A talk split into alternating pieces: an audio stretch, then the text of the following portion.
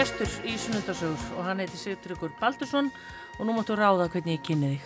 Tónlistamæður, frangatastjóri, mm. þáttagerðamæður, þú ert svo margt. Já, það er mitt. Hvað nota þú? Ég nota, fyrir þetta hvað á við, hverju sinni. Mm. E, stundum er ég tónlistamæður, stundum er ég þáttagerðamæður og stundum er ég frangatastjóri í úttón. Stundum er ég bara afi já. og bara lesa já.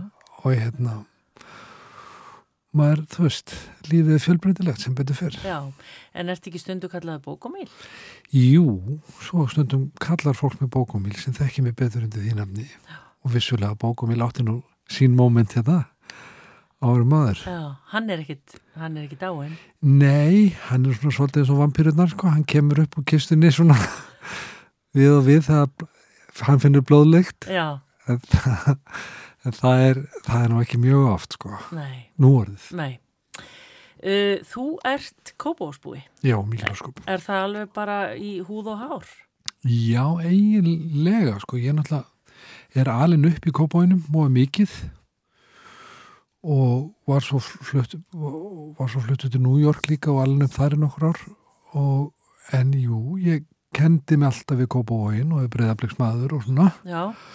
og, og hérna og síðan ægslaðist það þannig að á efri árum að þá flutti ég aftur í Kópóin þegar við fluttum tilbaka sko frá útlöndum 2004 í okona minn þá hérna fluttum við fundum við gamalt hús í Kópóinum í félagi við sýstur hennar. Já, já. myndum félag saman og keftum gamalt hús og gerðum það, breytum því í tvær íbúður sko, Já, já, sniðut og á þínum slóðum eða? Nei, í rauninni í vestubænum, alveg nýra á Sunnubraut sem er alveg hérna, beintum út í er alveg frábær staður sko Já, en nú kem ég með það því ég kópa úr spú líka já. rosa hann í gamla daga Östubær og Vestubær já, já. en er þetta bara ekkit mál í dag? Nei, nei, nei. Ég, ég upplýði það aldrei mikið að það veri ríkur milli Östubær og Vestubær ég átti sem að bestu vini mína í Vestubænum sko. Og, og var alltaf út á Vallageri Svelli að spila fókbalta þannig að ég upplýði aldrei þessa, þessa tvískin, þennan tvískinung og hvað þá ykkur að spennu á milli þessara ég held að þetta bara, til, þetta er bara tilbúningur sko. Já, já. fólk er svo ríka þar fyrir að búa sér til lið já. og halda með því. Já, já Hvað hérna, hvernig stráku var Sigtryggur? Mm. Þú segist að það verið í boltanu svolítið? Já, þegar ég flutti heim, sko, ég flytt heim til Ísl, ég flytt út til bandarækjana þegar ég er sex ára. Hvað voru það að gera þá? Pappi vann alltaf hjá, hjá loftleðum, alla sína tíð Já. og síðan Æslandi er. En hann byrjaði að vinna hjá loftleðum 1947, bara strax eftir stríð og vinnu síðan alla starfsæfi sína hjá loftleðum og sagt þannig að 69 og þá flyttur fjölskyldan út til þegar ég er 6 ára mm. þá flyttur fjölskyldan út til New York að því pappi tekur við stöðu þar sem yfirmaður hjá viðhaldinu. Já. Nei, þetta var hendur Viðhald flugvél. Já, yfirmaður á, á Kennedy flugvelli sem sagt viðhaldi flugvila hjá, hjá loftleðum Já, já, já. Og þá fluttist öll fjölskyldan þar út ég og bræðu minni þrýr bræður minni tveir, menn ég, við erum þrý bræðurnir Hvað er þú í rauninni? Ég er í miðunni Já.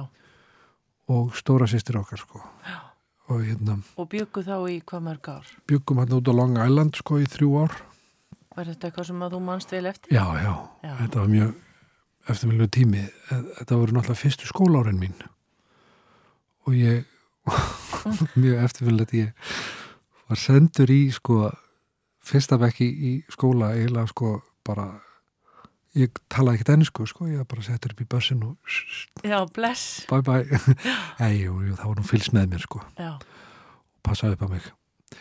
En já, ég mætti bara hann í skólan eiginlega skildi bara svona rappl en bara að krakkar eru svo rosalega miklu svampar. Já. ég var hann blarandi bara á ennsku þetta er mánuð sko, tvo. Það var ekkert mál. Og hérna og já, fyrstu skólaunum mín eru þarna í, í New York aðeins meira af því. Hvað hérna hvernig var þetta fyrir þegar þú hugsaði tilbaka þú segir bæði einni hérna, skólabílnum og kunnandi ekki tungumálið og svona, já. þetta lítur að svona svolítið móta þig. Já, já, þetta gerir það alveg. Ég átti nú, sko, sískinni mín passuði nú alltaf vel upp á mig. Já. og hérna ég var aldrei skemmtilega ringlaður. Og loðað, loðað við mig. Að hérna, vera svolítið sveimhugi. Og ég hérna, man ég átt að vera með eitthvað basmiða og ég og veit ekki hvað ég gerði þá. Og hérna nei, lönnsmiða, já, já. áttum að vera með að því það var alltaf, það var matur í hátteginu sko, skólanum. Ég var alveg og, og setur ykkur búin að týna sínum? Já, já, ég segi ekkert hvað þeir voru sko, hérna, ég var ekki að setja á í, í hérna pennaveski mittið eitthvað, ég mannaði ekki nákvæmlega. En ég man margt alveg svona ofsalega skýrt sko frá þessum tíma. Að þetta voru svona eftirmiðlegi tímar í rauninni já, sko. Já, já, svo náttúrulega græður þarna náttúrulega bæði fyrir að staði svolítið á einfótum og, og líka tungumál. Já, já, hmm. jú, jú. En svo komið þið tilbaka og þá er það kópáurinn Já, og þá dettum maður inn í sko tíurabekk í kópái sko. Ég sleftir inn í nýjurabekk Já, já. Að, Já og hérna Bestur í ennsku, bekknum. Já, ég var alltaf skur í ennsku og, og svona dætt, já, það bara fóð maður að spila fókbólta sko. Já, hafður þú gert það úti líka? Já, nei, mjög lítið. Já. Bróði minn notaði mér endar sem sem æfinga æfinga dýr og hérna hann hafði mjög mjög gáðan að fókbólta stóri bróðið mér sko. Já. og hann lítið mér alltaf verið í marki sko, var að skjóta á mark. Þannig að ég var markmaður sko í breðablik þannig að bróðum ég var búin að brúka mér sem slíka en þannig að út í bandaríkjónum og, og svona var að kenna mér eitthvað. Og, það var enginn fótból til spilaður þegar ég bjó í bandaríkjónum sko. við spilaðum smá beisból strákanir það eru einu íþrótunar sem mann eftir að tekja þátt í já, já. svo syndi maður náttúrulega að við byggum, í, byggum á, á, á, á götu út á Langæland sem var eiginlega alveg niður við sjó sko. það var hann að brygg, smábátabryggja og svona og við endan á götunni var sundlög sem þjónaði öllu hverfinu sko, stór útilög og þar var maður bara á sömrin eða bara, bara fór með nesti út í sundlög og mótnarna sko, og var maður bara þar já, já. allan, allan daginn mm. og svona kom mamma með hátegismatin yfirleitt röldandi út yttir og hérna það var bara þannig sko. Hefur hérna komið oft hérna á þessar slóðir síðan? Já, ég höfum vísið til þetta sko. Við fórum hérna ég og kona mín þegar vorum bara kæristupar sko. Bara krakkar. Já. tjánar á tvítu og svo þegar við óttum brúkursamli 30 brúkursamli þá fórum við aftur sko. Já. Og hérna eitthvað breytt? Nei, nei við farið þrísvar hérna. Fórum fyrst bara sem krakkar. Já. og nei, fórum eiginlega í, brúkursverðin okkar þangað. Þegar, jú, hún var alltaf krakkar þegar við getum okkur. 86 og 24 ég á 24 ára sem var 22 ára leiklega Já. og hérna svo áttu við sko 30 ára brúksamlega þá bara nú 2016 þá fóru við þangað áttur endur vísiterðum þetta sko. Já, og hvað hefur breyst? Það hefur margt breyst sko 30 árum. Þetta er endurinn á Long Island. Við fórum í heimsótt þarna það sem ég ólst upp sko í Babylon. En svo fórum við út á Montauk sem er lítill bær á enda, endanum á Langæland sem er svona baðstrandabær rosalega skemmtilegur frekar lítill. Og þetta var svona hippabæli hérna í gamla daga þegar við byggum í 69-72 og svo þegar við komum hérna 86 að þá var, var þetta orðið svona túristabær svolítill uh mhm. -huh. en svo var þetta orðið svona miklu formleiri túristabær þegar við komum hérna 2016 sko, þá var þetta orðið svolítið breytt, en samt ekki það mikið Nei, En húsið sem bygguði á svona sínum stað og... Já, já, já ah. þannig að í Babylon þar, þar er allt allt það sama sko, og systíminu en þá vinið þetta sem við heimsóttum sko. Já, já. Það er svona fjölskyldu vinið sko. Já Það var mjög gaman að koma, þetta er svona tíma vel sko hoppin í þetta. Já, ömmið En hvað hérna í Kópáinum, var eitthvað fleira en svona fókbóltinn sem að heitlaði fyrir utan stelpunna náttúrulega? Já, sus, hérna já, það var náttúrulega kannski svolítið afgjörnandið þegar maður var sko, það var tónlistin sko, maður heila skipti út fókbóltanum á músikinni sko, sem svona aðal áhuga mál Já, hvernig byrjar það? Er það bara Já, það byrjar, byrjar með, með besta vinnu mínum, sem þið Birgir Móinsson sem ég, við vorum miklu mátar hérna og kynntist í fókbóltanum þegar við vorum 12 ára. Og hann kemur úr mikill í svona músikfjölskyldu bræður hann, hann er mikið á stórum eldri sískinum og hafa mikill músik áhugið þeirri fjölskyldu og þar kynntist ég svona mikið af tónlist sem svona heilaði mig mikið. Og, og fann það að ég hafði mikið áhuga á tónlist og svona í gegnum eiginlega þá fjölskyldu. Já. og mikið. Og þá fórst að læra eða? Uh, Já, ég fór alveg á piano því að ég var 13 ára í tólskóla Kópóks og var þar í hvað, tvö, tvö árið eitthvað. Tvö, þrjú ár svona með, með gagfráskóla Já, en trómunnar Nei, ég er nefnilega fór að spila bara allt á trómur sjálfur sko, ég, pappi gaf mér snerildtrómið því var tíu ára. Því ég var alltaf bankandi í allt sem fyrir var. Já, og þetta var svona gamal draumur í húnu líka. Húnum, hann langar til að tróma, ekkert, hann gerði aldrei neitt í því. Þannig að hann upplýði þetta svolítið í getum mig bara. Já, gaf mér trommu og var alltaf og ég, þá var hann farin að fljúa aftur sko, sem hérna flugvelstjóri þannig að ég fór oft með hann til útlanda og fór mér trommubúðunar já, já, og honum fast að held ég meira, gaf, meira gaman en mér eða eitthvað þar. Já, það var mikið sport hjá okkur feðgum. Já, og hérna, já, já þannig að hann mig alltaf mikið í þessu sko. Og ég bara fór að spila sjálfur í rauninni og var að bara aðeins mikið áhuga á fór, þá gaf maður að fara í tónabæ man, þegar maður 12 var, þá var maður að fara að horfa, hljónstri í tónabæ Pelikan og Paradís og alltaf, all Pétursböndin. Já, og líka, þú veist, Eikin og svona við vorum spenntasti fyrir því gaurarnir sko, það var svona mesta progrockið. Og, og hérna og hérna maður bara lærði af meisturunum sko. Að fylgjast með, ég fór aldrei inn að trommutíma eða neitt sko. Nei. En sneriltróman hefur þá snúist í smá saman að Jú, ég kefti, kefti með, fekk lánað trommusett sko því ég var 12 ára.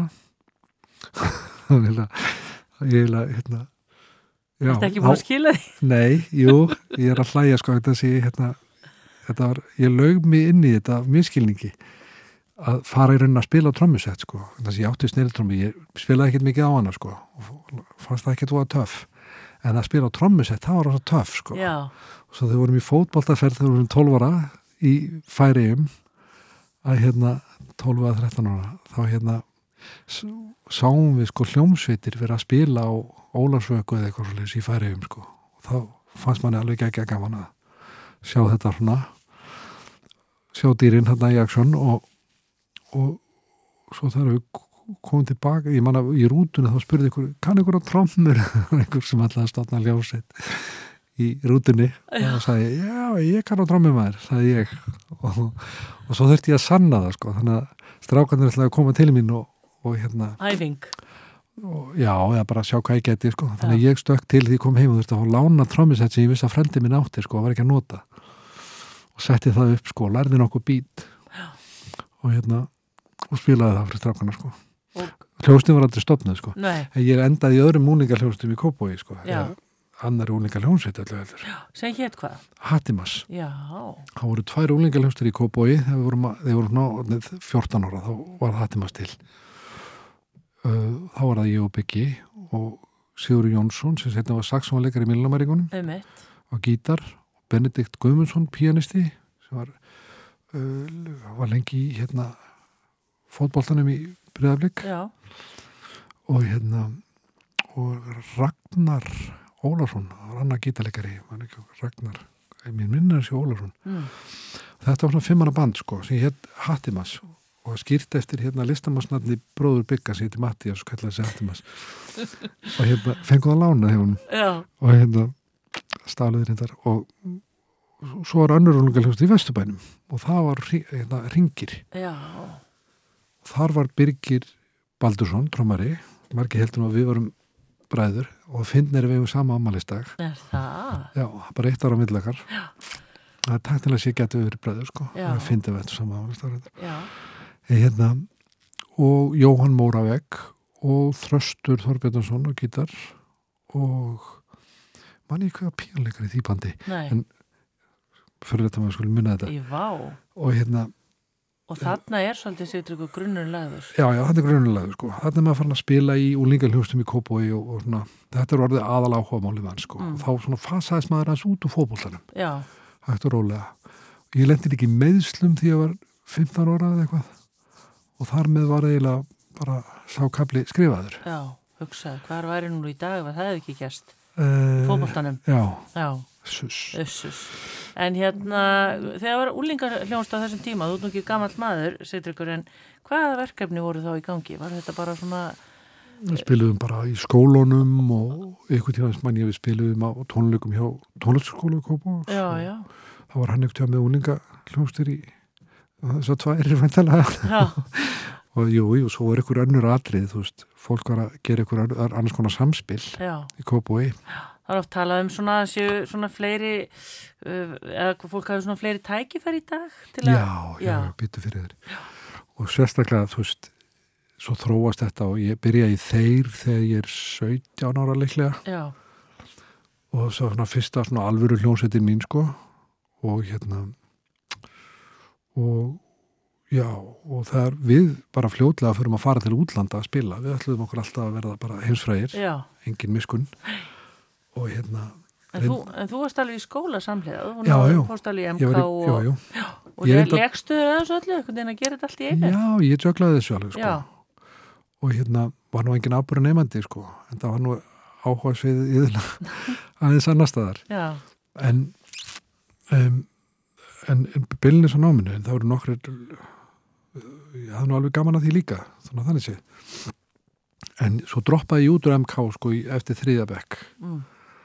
og hérna og langaði þið þá bara alveg að leggja tónlistina jú, fyrir? jú, þá var ég orðin eiginlega umbústnaður hljóstarinnar og hérna og náði ekki sko til hlýðal það er lengur sagað en stuttaútgáðinni svo ég náði ekki tilhæðilegum punktafjölda til að klára þriðabekk þannig að ég hafði verið í slagverksnámi sko sem átti að vera valfag í tólskóru Reykjavíkur. Og kennarinn þar blessaði kallin ég ætla nú ekki að ræða það frekar en hann hafði sagt við mig sko ég, að því ég var átt að vera að spila á sneriltrómi til nótum sko já, sem var ekkert mála því ég var alveg sæmilugur spilari orðin en við fannst það frekar leðilegt þannig að hann sagði við mig ég mætti bara hérna læra þetta bara og koma upp í prófið. Þetta var að hafa ágjur að vera að mæta alltaf í alla tímana sko ég var eitthvað busy svo ég mætti ekki drosa vel en ég lærði þetta alveg sko. Svo því ég mætti alltaf að fá að taka prófið sko. Þá mátti ekki taka prófið því að það ekki mætti náðu vel sko. Já, já, já. þannig að ég, ég var óhæst með þetta. Þannig að þá fyrstu það ekki metið og hættur þá í skólan það fekk það ekki metið. Og þá bara droppaði ég út úr þriðabæk sko. Og ég nenni ekki skólaböldi lengur. Ég ætla bara vera rokkstjárna Já, en hvað sagði fjölskylda þá? Þá sagði, já, mamma er nú ekki alveg, alveg nú hræst með það. Með hend og mjöðum Já, hún er ekki alveg nú ánað með það og hérna og hérna sagði ég þitt nú bara þú veist að fá mér ykkur að vinna og svona því ég var nú ekki að fá hana peninga í þessu hljómsnarögli og talandi um það, það var nú alveg kostulegt sko, það er alveg aðeinslega að sagða þegar Haugur Mortens blessaður hittin kom í heimsókn. Þá, þá var ég búin að vera í þeir og þá var ég reynda, sko þetta var einmitt eftir jólinn þannig að vetur sem ég droppað út, þá var ég að vinna á, á kleppi í rauninni, á, á vöktum. og meðfram rokkórólunni sko og bjó, fekk að bjó búa í gælarni og mjög og pappa Já. og hérna það var ágætið samskipt okkar á milli sko. Og, hérna það var allt í lagi. En svo sviti ég einu svona í eldúsnur að fara kvöldvakt. Eftir, þetta var í februar líklega árið 80 og allir ekki verið 82 Já.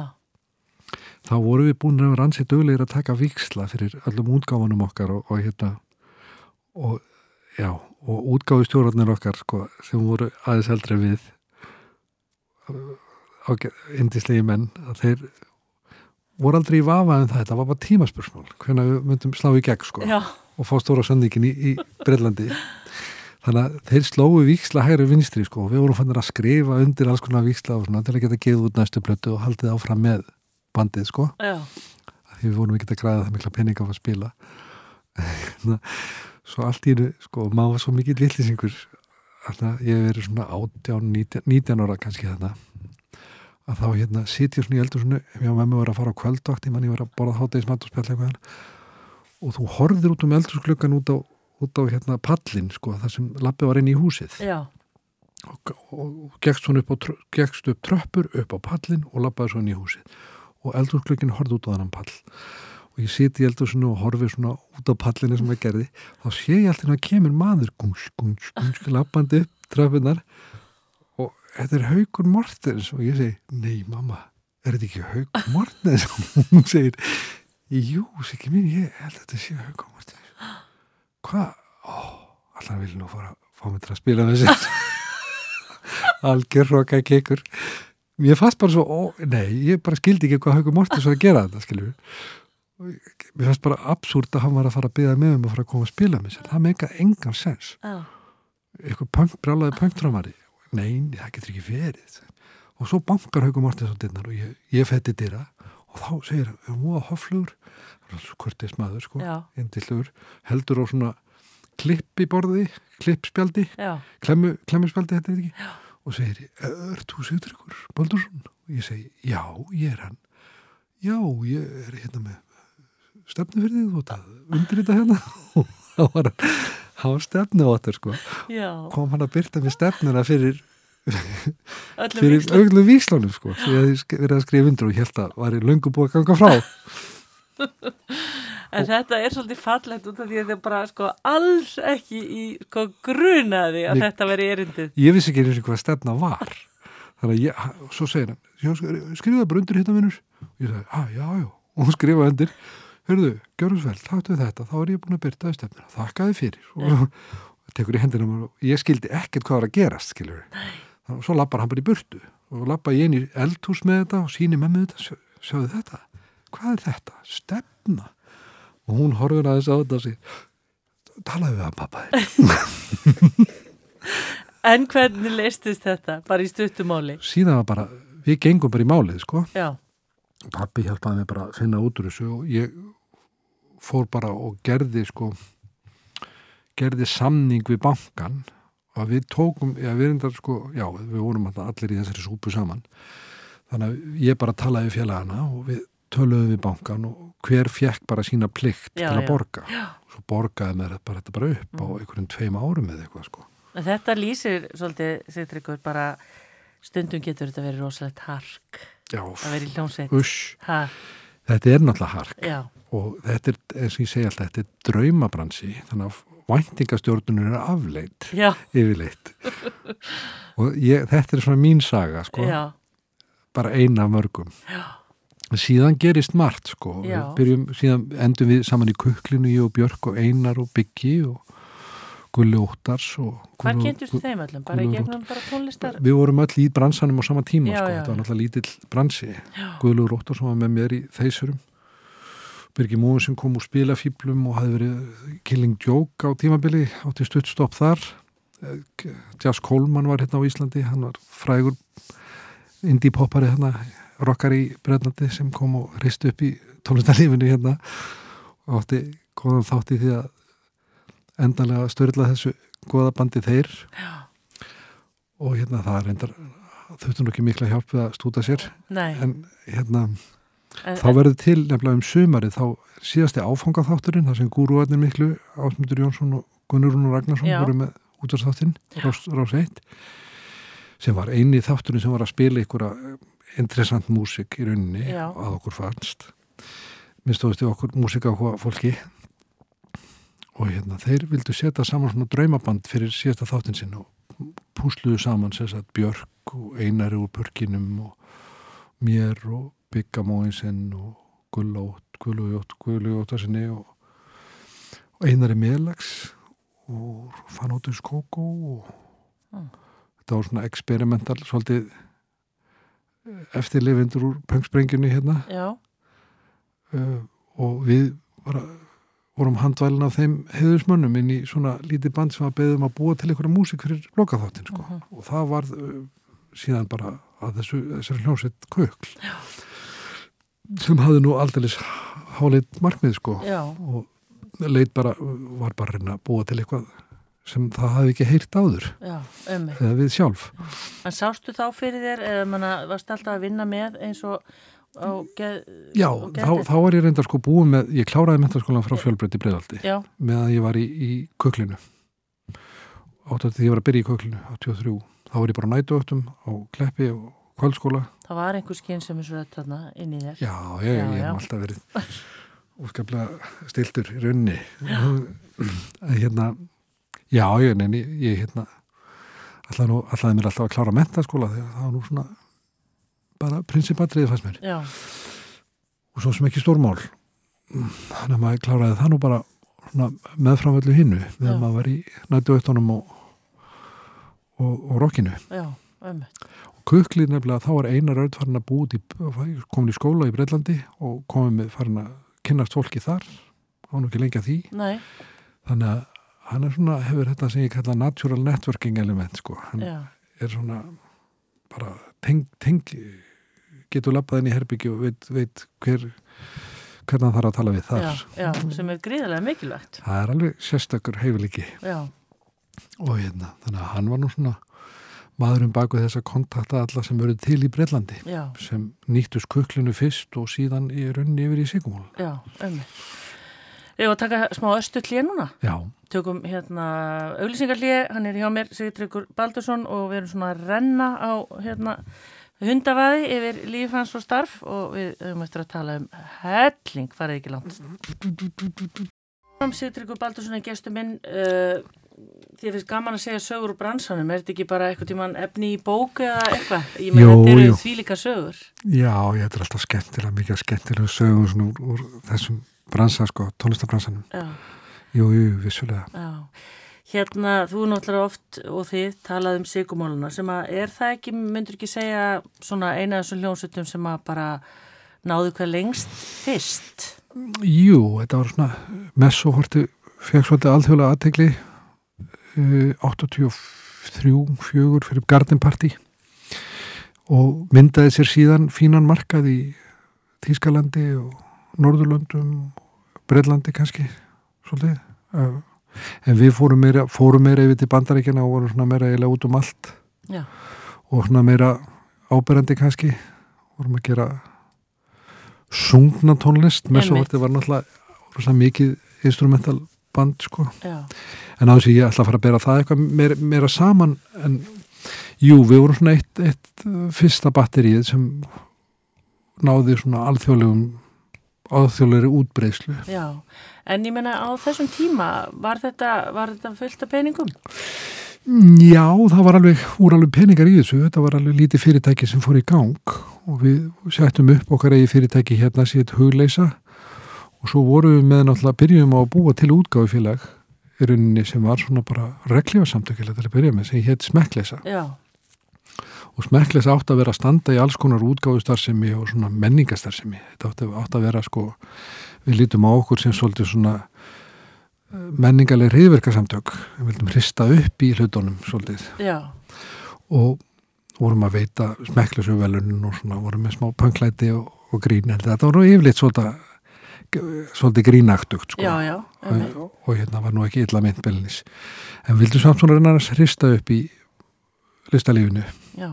En ég, ég er að maðurlega meina, þú veist, voru bara, var útborgað um hver mánaðamót, var bara einhver sem sá um þetta, var þetta bara svona, já, það var framkvæmdastjóri hugleysu sko, Já. það var Árni- Árni Ben já, já, bróður Einars, hann rak þetta batteri með okkur sko, Já. eða fyrir okkur öllu heldur og þetta var nú bara svona fjölskyldu fílingur á þessu hjá okkur sko og fólk tók bara þetta var samegnafélagi í rauninni Já. og tókum út laun úr félaginu og vorum með bara svona mánaðalun uh uh, fyrst, fyrst til að byrja með fyrstu, já, þá náðum við yfirlega að kaupa okkur íbúð eða eitthvað og bíl og svona, já, já, já, já. Þannig að við vorum alveg að fá smá peninga til að byrja með. Mhm, en svo náttúrulega þurftum við að passa okkur á því sko að þessi bransi virkar svolítið á fyrirframgreislum, það gerði það þá því við vorum á mála hjá Elektra í bandaríkjánu sem var stort útgáðu fyrir þetta ekki og voru síðan með einstakling samninga eða einstakka samninga í rauninni í löndum við mismandi fyrirtæki og þetta var allt, fór allt í gegnum One Little Indian sem var móður fyrirtæki okkar í rauninni í London já, sem er ennþá til og er ekki af Derek Burkett. Þetta var svona kerti gegnum það. Já. Hvað voru þetta svona samtals mörg ár sem að, bara þú, ef þið verðum bara að tala um þig hérna, sem þú varst bara í þessu, eins og sigumálunum? Já, ég var að vinna hjá fyrirtæki nefnilega sem heitir Miðlun frá 1983 eftir ég, ég byrjaði þarna í köklinu Já. og hætti á kleppi að þá fór ég að vinna hjá fyrirtæki sem heitir Miðlun og var að vinna hjá, hjá því alveg frá 83 til 88 8, sem eru 5 ár Já. og 88 þá gerist ég aðtunum tónlistamæðurinn Já. þegar við þurfum að taka þessa ákvörðinu hvort við ætlum að hoppa í þetta með báðum fótum uh, því að þá var stóði í bóði sko, ákveðni samningar sem gott tryggt fjárhagslegt öryggi fyrir okkur. Já, þannig að jú, við gerum það. Og þannig að ég var aðtunum tónlistamæður frá 1988 til 2012 já, um, þegar ég tek við þessari stöðu hjá útón. Já, já Þarna þegar þetta er þarna síkumólanir og reynir kannski í kukli þá ertu fyrir löngu búin að ná þér í konu og búin að eigna stafn, er það ekki? Nei, nei, við byrjum saman sko þegar ég var í þeisurum, ég og Sigrun Já, löngu áður náttúrulega. Já, ég var 18 ára og hún var 16 ára. Enda búin að halda upp á 30 ára brúkast Já, já, og við giftum okkur þetta nokkrum árum setna til að segja fyrir ferð til Montaukka mitt. Já. Þetta var nót sparimerkjana sko, Já. eða villast að leiðin að gifta sig. Hver er hún? Hún er lífendafræðingur uh, úr alfumónum Já, já. Og tvíbróðsýstir Var hún á tónleikum og sá trómaran eða? Nei, nei, við hittumst nú í gegnum skóratafélagið Fossfægi hvar ég var, var alltaf í sumavinnu Já, já. Og hún líka nokkur sömur og ég keirði skít í hana. Já, já. Eða hún var verkstjóri upp í öskilíð og ég man ekki fyrir ellega vatna og eitthvað var í, var í útplöntun. Já. og var, var að sjá hún svona flokka hún, hún löngum verið röggsum kona segir hún. Já, og það kom snemma fram. Emmitt Og þið er tvær dætur höfum tvær dætur, já. Tvær kynnslóðir, eiginlega. Já, það er 12 ára millið þeirra. Já, uh, ég segi alltaf sko það er, það er hérna það er doktorspróf og rannsóknartími á millið þeirra. Já, og það að því við eigum eignust unnu 1990 þegar ég er á kafi bara í Sigumala ægintýrinu já. Og Sigrún var unnu bara nýbúið með háskólan og var að reyna svona velja sér braut Já, til framtíðar. Mhm, síðan og svo eignust við Eirunu 2002 þá búum við í Hollandi sko.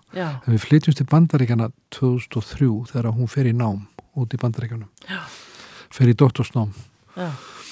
Og þá ég, flytjust við þessi reitla fjölskytta út þarna til Madison í Wisconsin sem er norður af Chicago. Já, og þú náttúrulega all, þekktir þið vel hann um, var þetta ekki daldi gott samt að skipta svona alveg um umhverfi? Jú, þá var ég búin að reka þessa spauðilegu hljómsveit bókamil font og miljónaværingana Já, í eitt og já, rúmt ár, eitt og hálft ár. Og hafði nú aldrei hugsað mér að enda sem balkongur á Íslandi þannig að ég var alveg gang-hó að flytast til bandaríkjana og reyna fyrir mig þar. Og fór að vinna bara mikið í bæ, fyrst til að byrja með sko í Chicago í rauninni. Það sem ég fór að vinna bara í að spila ná plötur hjá fólki og svona sem kallaði sessjónmaður af því ég var náttúrulega úr svolítið þekktri hljómsveit og kynntist fólki þar og reyndi mér þess að gera útibú frá smekkleysu í Chicago sem gekk nú aldrei mjög vel. Mhm, og lærði þína samt margt á því. En fór síðan að vinna bara meira upp í Madison og uppgötaði það að þarna var afskaplega merkilegt stúdíó sem hétt Smart Studios þar sem Nirvana-platan hérna Nevermind var tekin upp og fleiri svona seminal grunge-rock-plötur á þessum tíma þannig að ég kynntist góðu fólki þar og fór svolítið að vinna út úr því stúdíói. Já, fór að framlega sjálfur plötur þar. Já. Hvað voru, hvað voru þið lengi þá úti? við byggum þar í sex ár Já, Tæknilega, en síðustu tvö árin þá er ég farin að flakka mjög mikið milli Madison og London og Íslands. Þá er ég að vinna plötu með Jóhanni Jóhansin á Íslandi já, og með, og þar kynntist ég Emilínu Turini sem ég fór síðan að vinna með í London. já Þannig að þetta að- verður svolítið ferðalög Þetta var alltaf ferðalög, sko. Já, Já, já. en hérna bókamíl bara rétt svona því að þetta er nú kannski ekki beint svona tónlistar þáttu sundarsögur en að, þetta er rauninni svolítið svona geðklofa útgáfa frá þér í rauninni hafandi verið svolítið í bara pöngi og eitthvað Já, já, ég kem hérna úr svona, eins og ég kallaði, sko, svolítið experimental rock deild, sko, Já. sem var alltaf köklið og yfir í sigumóluna við vorum alltaf bara mikið að gera okkar eigin músik Einmitt, og ég hafði aldrei verið í mig reyndar áður við gerðum þeisara þá var, var ég svolítið að spila í svona coverbandi sem spilaði þess á böll, böllum Já. með í Tilmar Ragnarsinni og Jóa sem er fyrst ekki delikar en þar já, og fleirum. En annars hafði ég aldrei verið í neinum coverböndum sko. Og en undir lok Sigumóla tímabilsins í rauninni 1990 þá verður til hansi skemmtilegu svona félagskapur innan smekkleis útgáðuna sem hétt Jazzljósveit Konráðs B. Já, einmitt. Sem var svona grín og, og gaman hljósveit þar sem allir átt að spila á helst á eitthvað hljófari sem er alltaf langa til að spila á en kunni ekkert alltaf mikið á. Já, þannig að við vorum fræg fyrir að myrða þarna fræg jazzlög sko. Já, já, og hljónstættjóni var Bræ Jólósson sem var og er mikil jazzáhugmaður og hann valdi dagskrána sko inn í uh, lagavalið. Já, og þarna fór, fór ég að spila sem sagt svona jazz kynntist í svona gamalli, þessari gamlu músik sko. Og hún heitlaði mig svolítið. Já. og upp frá því þá fór ég að hlusta mikið á, ég hafði reynda verið að hlusta mikið á sko svo kallar latínmúsik salsa músik og svoleiðis og afríska músik eins og þér en svo fór ég að hlusta, skoða meira svona uh, sagfræðilega, þú veist Mamboin í New York in the 40s og 50s þegar kúbanska músikinn kemur inn í big band músikina í New York og það verður eitthvað indislega sprengja þar Já. sem ég fannst alveg ógeðslega flott og fór að hlusta líka á þess að gamlu krúnara mikið eins og Sinatra og svona þarna bara á þessu tíðanbili sko undir lok sigumáltíðanbils og þá var til, kom þetta út í svona grínu, þessari grínu gaman hljómsveit sem var svo ógeðslega gaman að gera sko. Já, og hún var, ég man bara sjálf sko, maður var bara eldandi hljómsveitin á böllum og þetta Já. var bara ótrúlega vinsæl já, já, Já, og síðan sko þegar sigumálin er hætta 92 já, og þá er eigum í rauninni ekki bótt fyrir borun á okkur að því vorum eiginlega búin að eða öllum pinningum okkar fyrir fram og að þá hérna sagði ég mitt við Braga hvort þú ættum ekki að hrista í einhverja litla útgáfa Jazzljóns og Konarspíu og fara að spila á þessum pöppum sem voru þá nýjir í Reykjavík. Bjórinn alltaf opnaði 1989 þannig að pöppar voru til til að ég manni vorum að spá í einhverja svona pöppagigg sko til að hafa í gröðin þá sagði, sagði við mig að hverju fari ekki einhverja almennilega jazz tónlistamenn með þér og býr bara til eitthvað lítið mambo jumbo band? Já, þú veist, og Það gerðist? það gerðist bara sko. Og hérna já. En átti þetta ekki sérstaklega vel við því, svona uh, þegar til lengri tíma let? Nei, að því að sko að spila í coverbandi er, er voða gaman það er svona gaman og sprell og maður lærir heil mikið á því sko en ég, mér þýst alltaf ég að búa til einhverja tónlist sjálfur sko vera meira svona í kreatífu kreatífur í dildinni Já, en gaman að grípi í þetta svona. Jú, jú, eins og mjög gaman að grípa í þetta og Já. þetta var svona, eins og maður segir, easy money Já, já, því þarna var maður bara þurfti maður að búa sér til peninga og eitthvað nátt sko. þetta var bara hluta því líka En hvaðan kemur þetta nafn, þetta bókomil font? Ég hef örglega eitthvað tíðan spurt að því, en hvað, hvað er þetta? þegar að síkumálöfnum voru sko, við vorum að, á sínum s- langum túr í Evrópu 1990 þá voru við svona, til að dreipast ykkur leiðendum voru við ofta fabúlera með ykkurar hugmyndir sko ég man að ég og Bræði sátum ykkur tíðan og vorum að á barnum á Hotel Intercontinental í Zagreb, gamli Jugosláfi 1989 sem var, það var barþjóðnin var niðurgrafin sko, þetta var alveg ógeðslega skrítið þetta hefði svo surrealíska áhrif á mann. Maður satt þetta bara svona í venninu stól og barþjóðnin var niðurgrafin það var eins og maður var komin í ykkur science fiction mynd.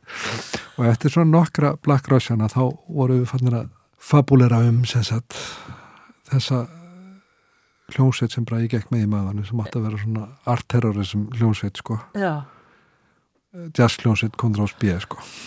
Og sem var svona konsept hugmynd. Já, og þá þurftu að búa, en eitt af því sem við þurftum að gera var að það þurftu allir að búa sér til nafn sko fyrir hljómsveituna, það þurftu að vera, þetta var halgett leikhús í rauninni, það þurftu að búa sér til karakter og leika hann í rauninni. Þannig að ég þurftu að finna minn karakter á þennan já, og Já, einmitt. bókumil til að byrja með var alltaf með svona búlgarst yfiskegg Já. og hann var í rauninni júgoslavneskur krúnar sko sem hafi bara flagst til Íslands. Þannig var hugmyndin sko upprænlega já, þannig kom hann alltaf fyrst fram með jazzljósutinni, B en þá förum við út á veitingastað til að fá okkur að borða og þá finn ég svona hérna, dagatala á borðinu sem er þetta er alltaf hérna, grísk-rómvesk trúabröð sem er þarna hvort, hvort það er hérna mann ekki hvað trúabröð já, jú, þetta er ég. Grísk-rómveska kirkjan sem var hérna við, við völd. Og það var dagatala á borðinu sem var með dýrlinganapp fyrir hvern einasta dag ársins sko. mhm, einhvern veginn þannig að hvort er endur tókuð á einhverju reglulegu millibili kann ekki fræði nógu vel. En mistast á ammælisteginu mínum var bókomíl já, þannig ég pikkaði það bara sem nafna á þennan júgoslanarska krúnar sem ég gekk með í maðunum þetta og font, font var þannig til að þegar ég er að búa til þegar við heldum fyrstu tónleika hljónstærinar Jazzljósu Konrads B. þá átti, átti, átti, átti, plakatið að vera Jazzljósu Konrads B ásantinum glaðbytta og eggjandi bókomíl font eða bókomíl já, en svo, svo hérna ringi bræði í mig ákveð þegar ég er að vinna í reyna að læra á þetta fyrirbrið sem Sýrunaði keft sem hérna Apple 12 já, og ringir í mig og segir þú ert, ert ekki verið að búa með textan fyrir plakatið? Og ég skrifa hann á Apple-töluna var hann að læra á hann í leiðinni. Og hann segir hérna, þetta ekki verið tilbúið með það það verið að vera eitthvað nafn á bókomíl eitthvað eftirnafn. Ha, ok, segi ég, ég finna þá var, sá ég hérna eftir uppi font. Font, já, hvað þýðir það? Heyrðu, það er ágættisnafn bókomíl font. Já, hérna hér, og nú veit allir landsmenn hvað það er. Já, já, það Já. er bara úr gamlega Apple-tölunni sko, Já. fontarnir. En hann er ekkert, hann er alltaf, hérna, bókumil kemur alltaf með einn ein og einn slagar og svona. Hann er nú ekki gefið út orginal lag lengi. Nei, en hérna hann gaf náttúrulega út síðast plötu með uh, flýstríónu já, hér Bananaveldið. Einmitt. Sem var gefin úr 2006 og, og var einmitt að gera grína mörgu því sem var síðan miklu umtalarar í hruninu. Já, var ekki líka veðurfræðinga ljúa frekar ljúga. Ha- þetta var þar eru við að leika okkur, þar hafði ég heillast að já, já, sem er líka, bókomíl hefur alltaf verið svona sakfræðingur minn sko. Já, hann er svona að leiða mig í gegnum Kurt Weill Mambóið, já ég réttir röð Mambóið fyrst, svo Kurt Weill stemninguna sem er alltaf alveg indislegt músik sko, og já. svo Calypsoið og þá er ég að gera plötuna með flýsbröðrum sko. já, já, já. og þá er ég, erum við að erum að vinna með Calypso músik notum slatt af gömlum lögum og stílfæriðinu og stælum eins og gert þar alltaf hérna í gamla daga og gerum nýja texta við þau sko já. bæði fekk ég nú svila minn Einar hérna Malberg bankamann og vísna snilling já. til þess að þýða með mér sem að þessum textum og svo bjó ég bara til nýja sjálfur sko. já. Ég vona, vona að það séu ekki alveg döður úr öllum æðum eða bókumil og hans menn. Nei, nei, hann var alltaf svo gerði ég, mann ég sko líka skemmtilega hérna, lag 2000 og hvena var það? 10 eða 11 með Pétri Ben. Já, já, hvað heitir það nú aftur? það heitir hérna erðafræðin eða eitthvað gafar ekki faman í fæinu Já, þekkið á gönguleginu einmitt. Það var nú líka svona raungrín sko. Já, já, það er þetta að gera grína þessu öllu saman. Já, það verður að gera það stundum, það er bara ein leið til að lifa af. Já, við hérna, áður en við fyrir út í starfið núna og, og hljómskólan og svona, þú varst búin að segja, hún heitir Una Já, en yngri, hún heitir Eirún, já, hún er í MH. já, og eru það í tónlist? Nei, hvor var? Nei, já, Eirún lærði nú á píanó, sko. Og hérna, hún er mjög hefleikarík, sko, en, en virðist ekki vilja leggja þetta sérstaklega fyrir sig. Ekki nema hún verði rappari bara, framtíðinni. kannski kynnist hún einhverju, einhverju fjölskyldur sem spila tónlist eins og það lendir hjá þér, Já, getur oft haft áhrif. já, það er oft líka erfitt, sko, þegar maður á foreldra sem er að, eru fastir í einhverju ákveðnu fægi, sko, maður vill ekki fara þangað, sko. Nei, Ég skil það já. maður þarf að finna sín einn farveg Hvað ert að fást við dagstælega í þessu starfiðinu hjá úttón? það er nú góð spurning.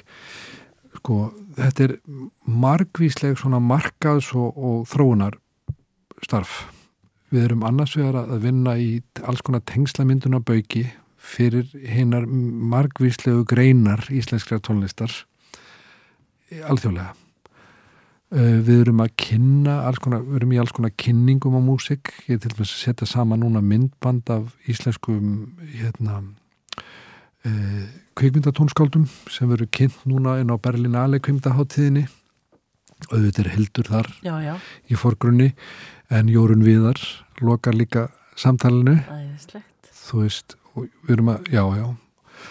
Þetta er, þú veist, hluta þessari kynningavinu, við reikum tvær vefsíður sem ég tala stundum um þetta til þess að útskýra einskjöðunga að þetta er bæði innlendavinnan og erlendavinnan. Innlendavinnan er í rauninni lítur að fræðslustarfi fyrir íslenska, íslensk tónliska fólk sem hefur áhuga á að reyna að skoða aðra markaði, erlenda markaði.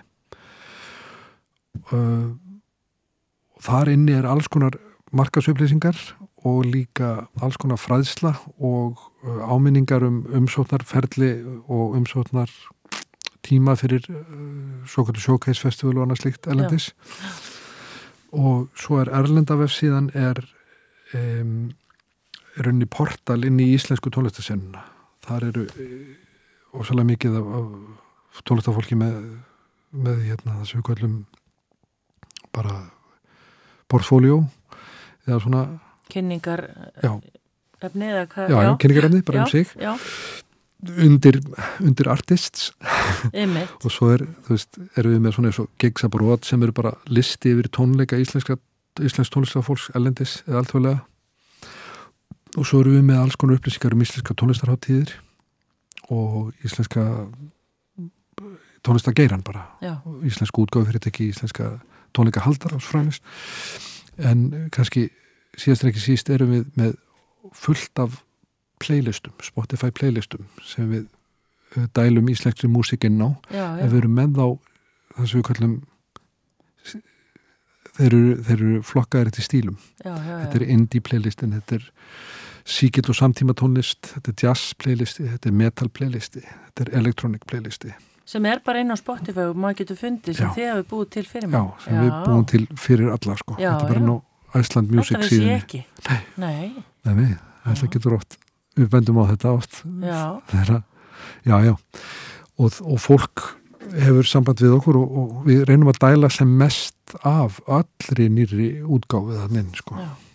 Og ertu hvað er að segja er, er bjart í þessu? Er bjart í bransanum? Já, það er alveg, það, sko það hefur á alþjóðavísu hefur tónlistabransin nefnilega stækkað. Mm. þó svo að, að hérna geisladiska sala hafi dotti niður þá eru streymisveitunar farnar að skila tekjum. Og svo er bara önnur tekjumótel sem hafa komið sterkari inn sko, eins og til dæmis lifandi tónlist hefur tekið stórt stökk á síðustu fimm árum svoleiðis.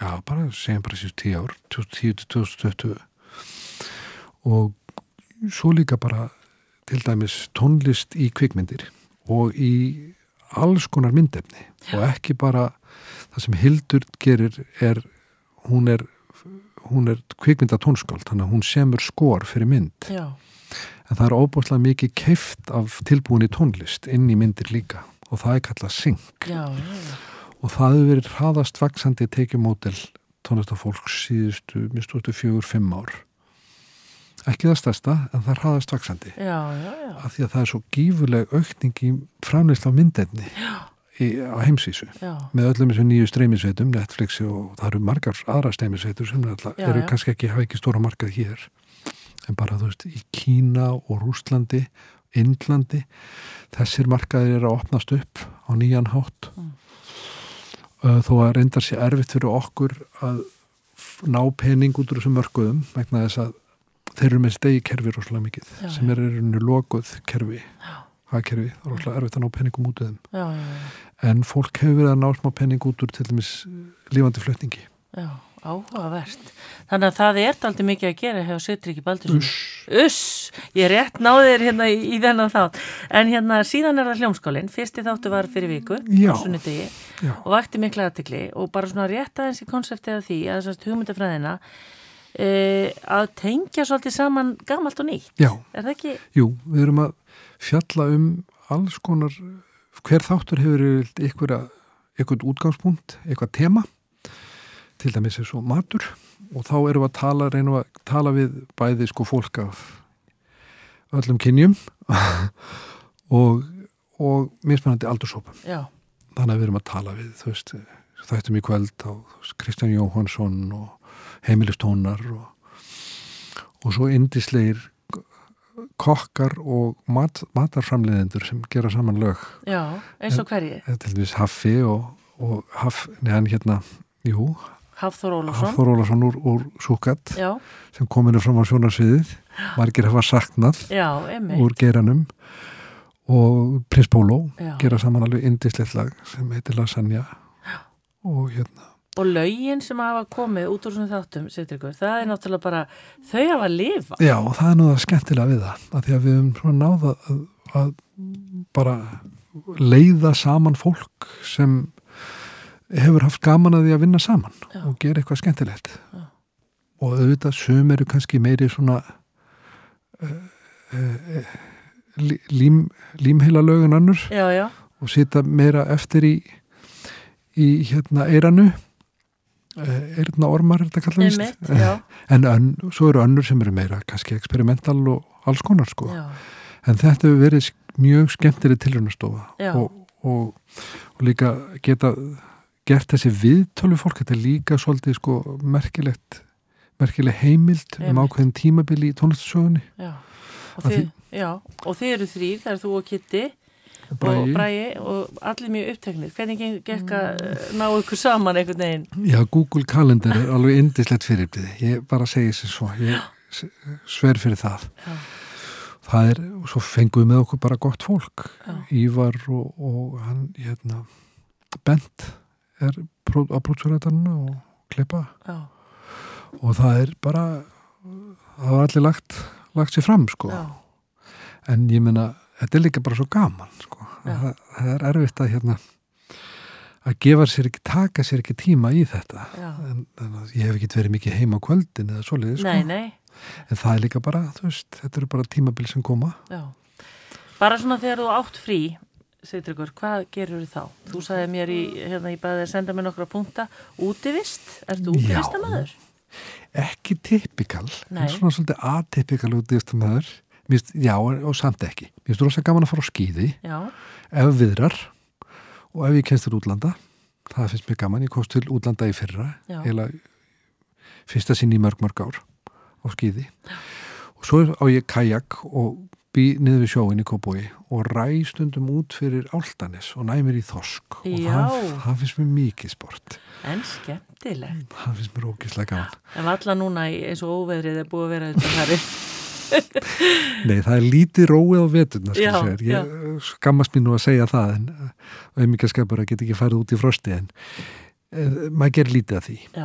En, og þetta er allt saman svolítið veðutengt sko og svo náttúrulega bara býja við hliðin á einni bestu sundlaug landsinn sko og læt það nú ekki alveg fram hjá mig fara. Nei, og það því fylgir náttúrulega útivist. Já, já, það er náttúrulega dásalega útivist að synda sína 500 metra á mónana Já, emmi það Sigurður Baldursson, við verðum að segja stopp hér. Takk. Alltaf þarf nú að klippa þessa þætti örð og langir, en takk fyrir komuna Já. og takk fyrir hérna sögurnar og efni bók, ég segi það og skrifa. Já, takk. Ég verður hérna að fara að drífi því. Já, takk fyrir komuna.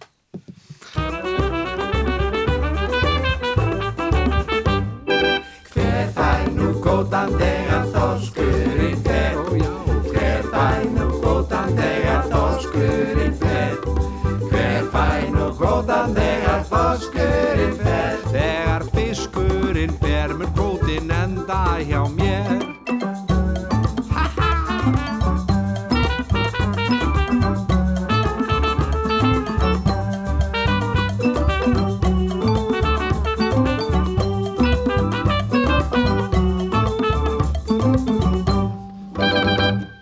Þegar loks hafa tæmstættir landsbyða bæir og launa fólk söður fer. Þá vafalust eru mér veginnir færir og vísast að grípa sér. Sumarhús fyrir skýta prís, sætt og nýlega byggt. Og ég flækist ekki um nöð pristúsli sem ángar að fiski leikt Ég spyr bara hver fær nú kótan þegar þoskurinn fer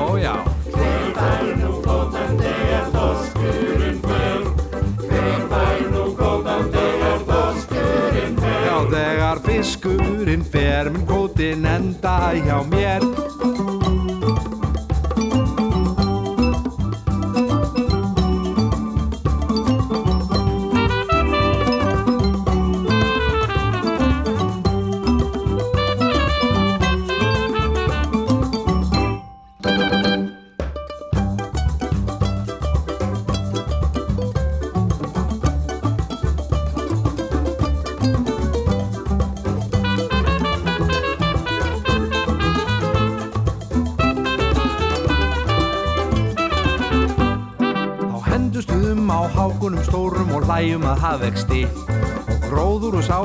sárhif er afinu góða, grænt allt og hlínandi sem verð bólstrumurinn í ferðalag sá gulli fer upplaust með og fækka nú fiskum sem bæta hag og fúlnar hitt góða geð ég spyr bara Hver fær nú kótan þegar þoskurinn fer? Ójá Hver fær nú kótan þegar þoskurinn fer?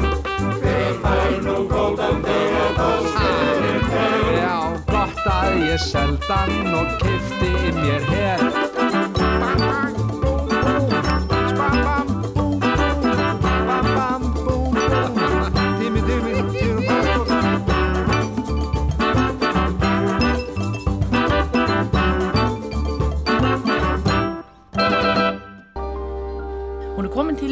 til mín hún Aldakarin Hjaltalín sem að, já við vorum að reyna að finna hérna titil á hann áðan en við Eh, eða ég ákvaða að hafa það markas mannesku og þá bætti hún við fyrirlýsari.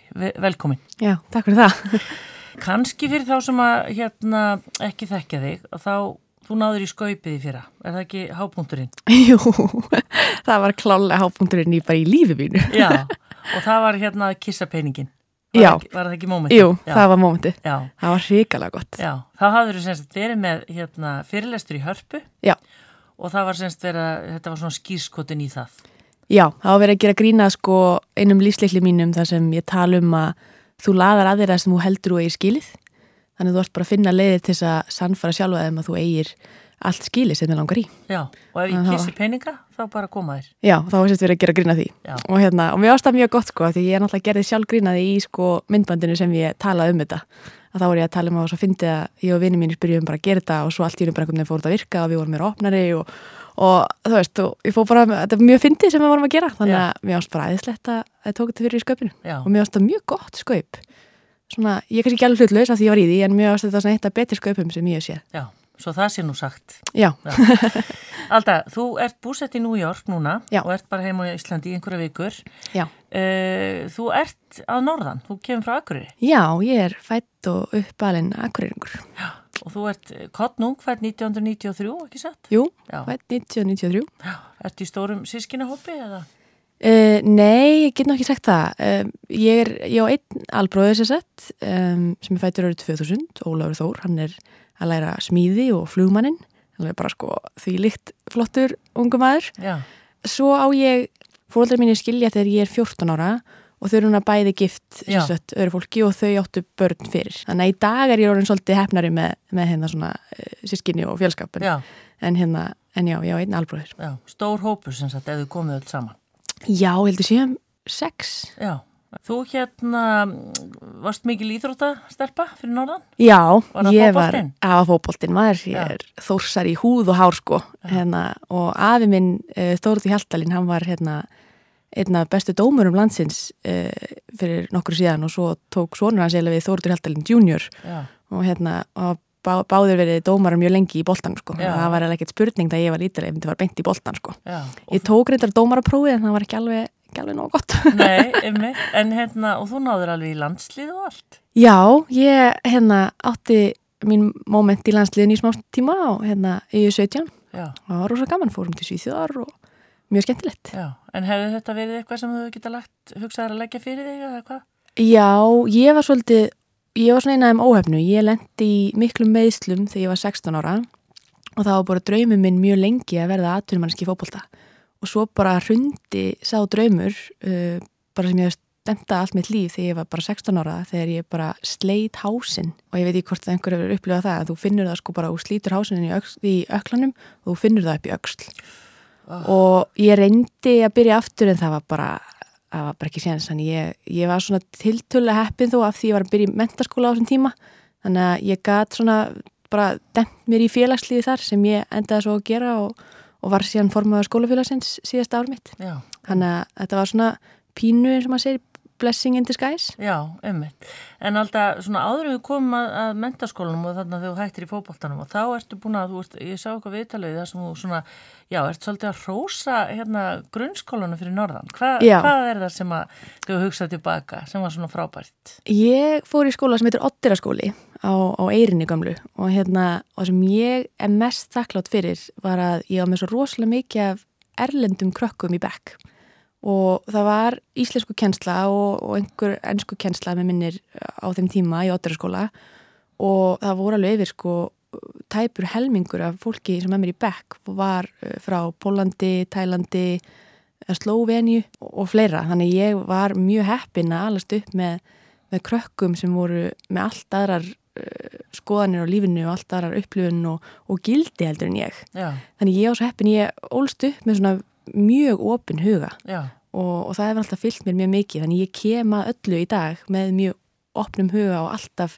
með það markmið að læra. Og þá einmitt um manneskinu og ég held að það hjálpa mig líka að vera bara ótrúlega virkur hlustandi og svo framvegis. En fannst þið þá að vera að þessi krakkar, þú veist, voru þau til jafs við ykkur, það var ekki fordómorga hvert einhverjum sem var ekki íslendingur eða hvernig var það í skólanum? Nei, en það held ég að sé bara svo lítið að fordómum meðal barna. Já, veist, við vorum bara öll í öfnum, við vorum öll eins.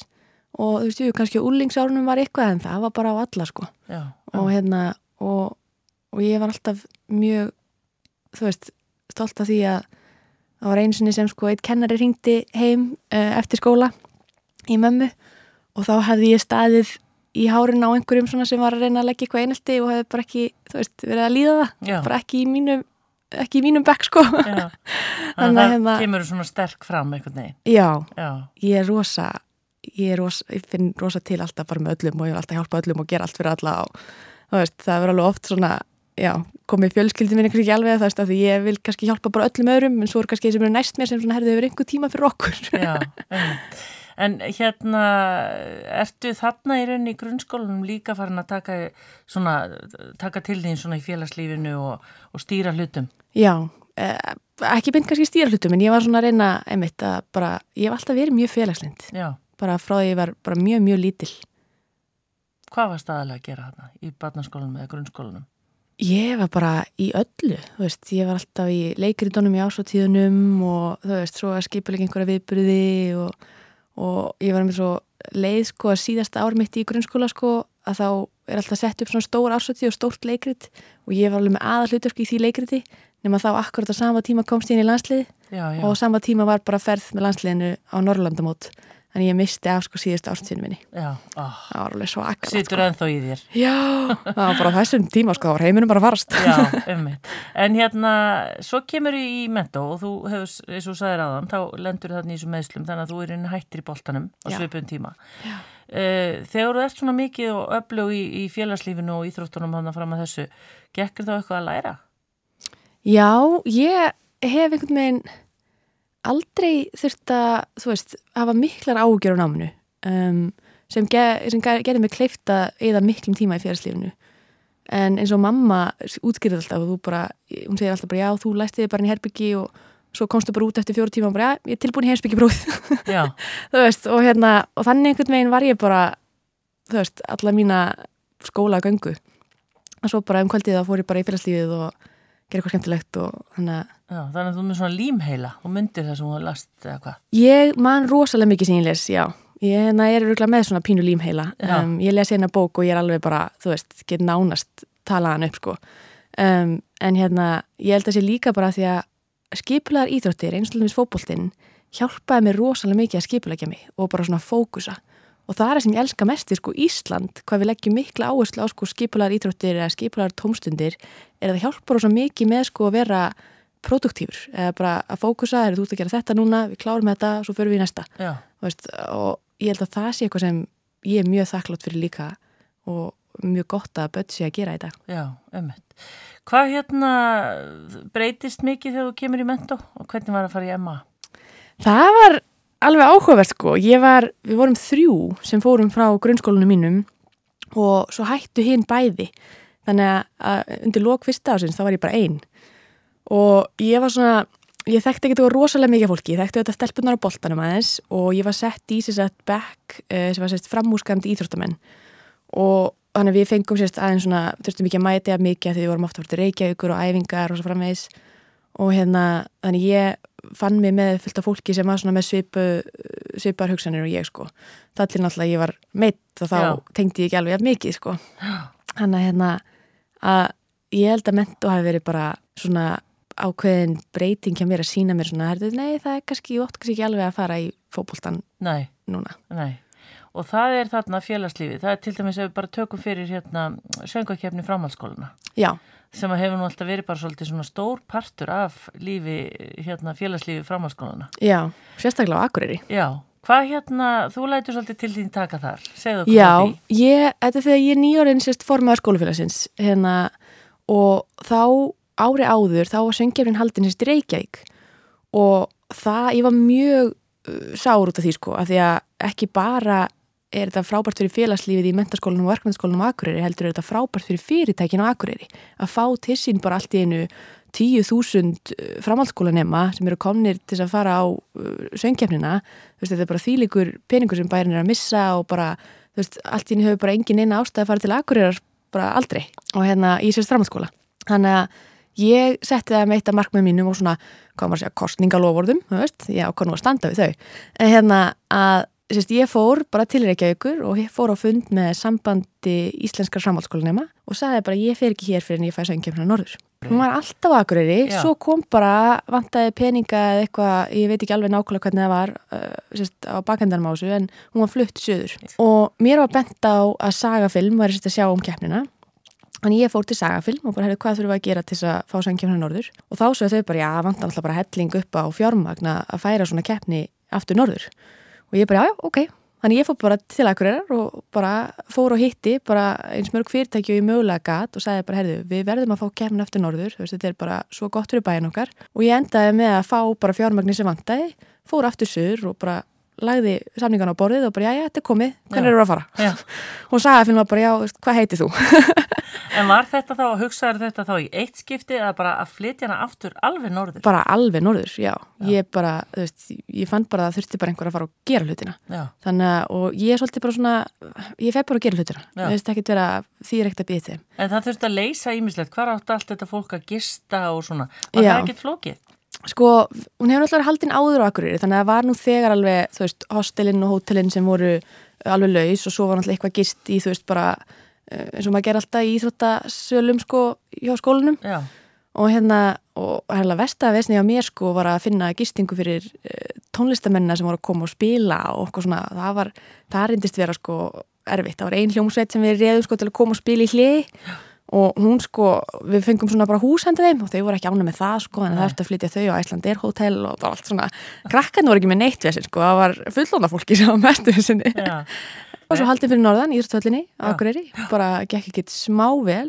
Hún var hann að hún Glói sem vann Sara Péturstóttir sem er núna bara gössamlega hvað heita hún ekki fyrir Sheeran eða Jessie J jú, og hún er bara gössamlega að gera frábæra hluti já. og þú veist, söngjefni framhaldsskólan er stökkpallur sem er sko ómetanlegur fyrir unga listamenn ég þetta var bara rosalega gott fyrir hérta Akureyrar á þenn tíma já. það var alveg bara það var alltaf, við finnst alltaf rosa gott að blása lífi í gamla bæminn. Já. En þetta er alltaf svo hressirar. Já, já. En alltaf varstu eitthvað búin að hugsa hérna í mentaskóla eða pældur eitthvað í því hvað ætlar að gera þú? Nei. Nei. Ég var, mér langaði alltaf bara til að vera aðturmaður í fólkválta. Svo bara gæti það ekki lengur þannig þá tók ég bara einn dag í einu eins og maður segir. En þetta hafði samt áhrif á framtíðina að flytja söngvakefnuna norður? Já, þetta heldur byrður áhrif á það. Ég fekk svo bara starftilbúð frá sagafilm eftir verkefni en það gekk verkefni bara eins og í sögu þetta var bara æðislega verkefni og hérna þannig ég flytt suður bara nánast dægin eftir útskrift á mennskólanum og byrja og hef störf hjá sagafilm sem bara nemi í sölu og markasetningu svo bara ekki, sko, minna en ári setna að þá er ég ráðin inn sem sölu og markastjóri fyrirtæksins Og ertu þá alveg ómentuð í þessu og ekkert mál? Já, já, algjörlega ómentuð, ég bara tók hann að stúdendinn og, og, hérna, og let sér bara vinnuna tala fyrir mig. Ertu, þú ert svona talnaglögg og svona getur alveg bara gert áallanir og svona, maður ímynda sér að þetta er svo svolítið svoleið starf. Já, þú veist, ég get nú ekki sagt þessi talnaglögg um, en ef ég virkilega leggst yfir það og svona þá veist, getur maður alltaf retta sér og lært og, og hérna, og fyrir mér náttúrulega, ég elst upp á tímum þar sem við erum með Google og Wikipedia og YouTube og þú veist, orðið sjálf lærður finnst mér svona kannski svolítið, hvað ég segja, með þess að fólk ekki alveg taka því ja, vel og svona, sérst, svona underrated já, sem ég minna að segja. Það er svona liti pínu niður að það já, já, akkurat, en fyrir mér þú veist, núna reykjum mitt eigi fyrirtæki sjálf og tveir starfsmenn hjá mér eru algjörlega sjálflærðir og þeir eru bara með þeim duglega starfsmenn sem ég hef nokkur tíðan haft. Já. að þeir vinna bara miklu meira fyrir öllu. Og það er þetta svona work ethic, það er þessi, þessi vinnuháttur sem mikið að sjálfæri fólki hefur sem bara er ómetanlegt. Og og vinn ég sko þegar ég auðlis eftir fólki í störf hjá mér ég segi alltaf það ert enga mentun bara mælir hvern og einn hvernig þann já já, bara eins og ég tek bara fólki eins og það er á þess að vera eitthvað að horfa mikið á þú veist, hversu mikið að menta sig. Já, á þess að þú setja eitthvað að setja út á það. Nei, enga veginn, ég er mist frábært að fólk menti sig og ef þú vilt gera það þá áttu algjörlega að menta þig. Já, hvaða verkefni hjá Sagafilm eru svona, hvað standa upp úr á þessum ferli þínu þar? Uh, klálega interstellar eftir Kristoffer Nolan þegar við fengum hérna Matthew McConaughey og Anne Hathaway til Íslands og það var eitt af mínum svona fyrstu verkefnum Já. hjá hérna sagafilm sem var bara geðvikt og svo fannst mér rosalega skemmtilegt að endurveikja stelpunar Já. það var eitt sko upp á skrýnþátturinn minn sem bad sko þannig að, að það átt að vera koma með comeback sko með stelpunum og þá var ég bara fremst í flokki sko bara, hvað vantar ykkur, hvað var að gera en, en, en að fá svona eins og segi fræga fólki til Íslands það hefur alltaf svolítið loða við Ísland að fræga fólki vil koma af því það færi að vera í friði Já. en svo færi það kannski ekki alveg að vera í friði. Hvernig lítur þú á það? Já, ok, mér, ég held að það fengi nú alltaf að vera eitthvað pínu í friði allavega. En, hérna, en ég held að við Íslandingar kannski segjum að við séum rosa kúl og róleg og svo kannski þegar það kemur að því að þá kannski erum við ekkert alveg að mikið.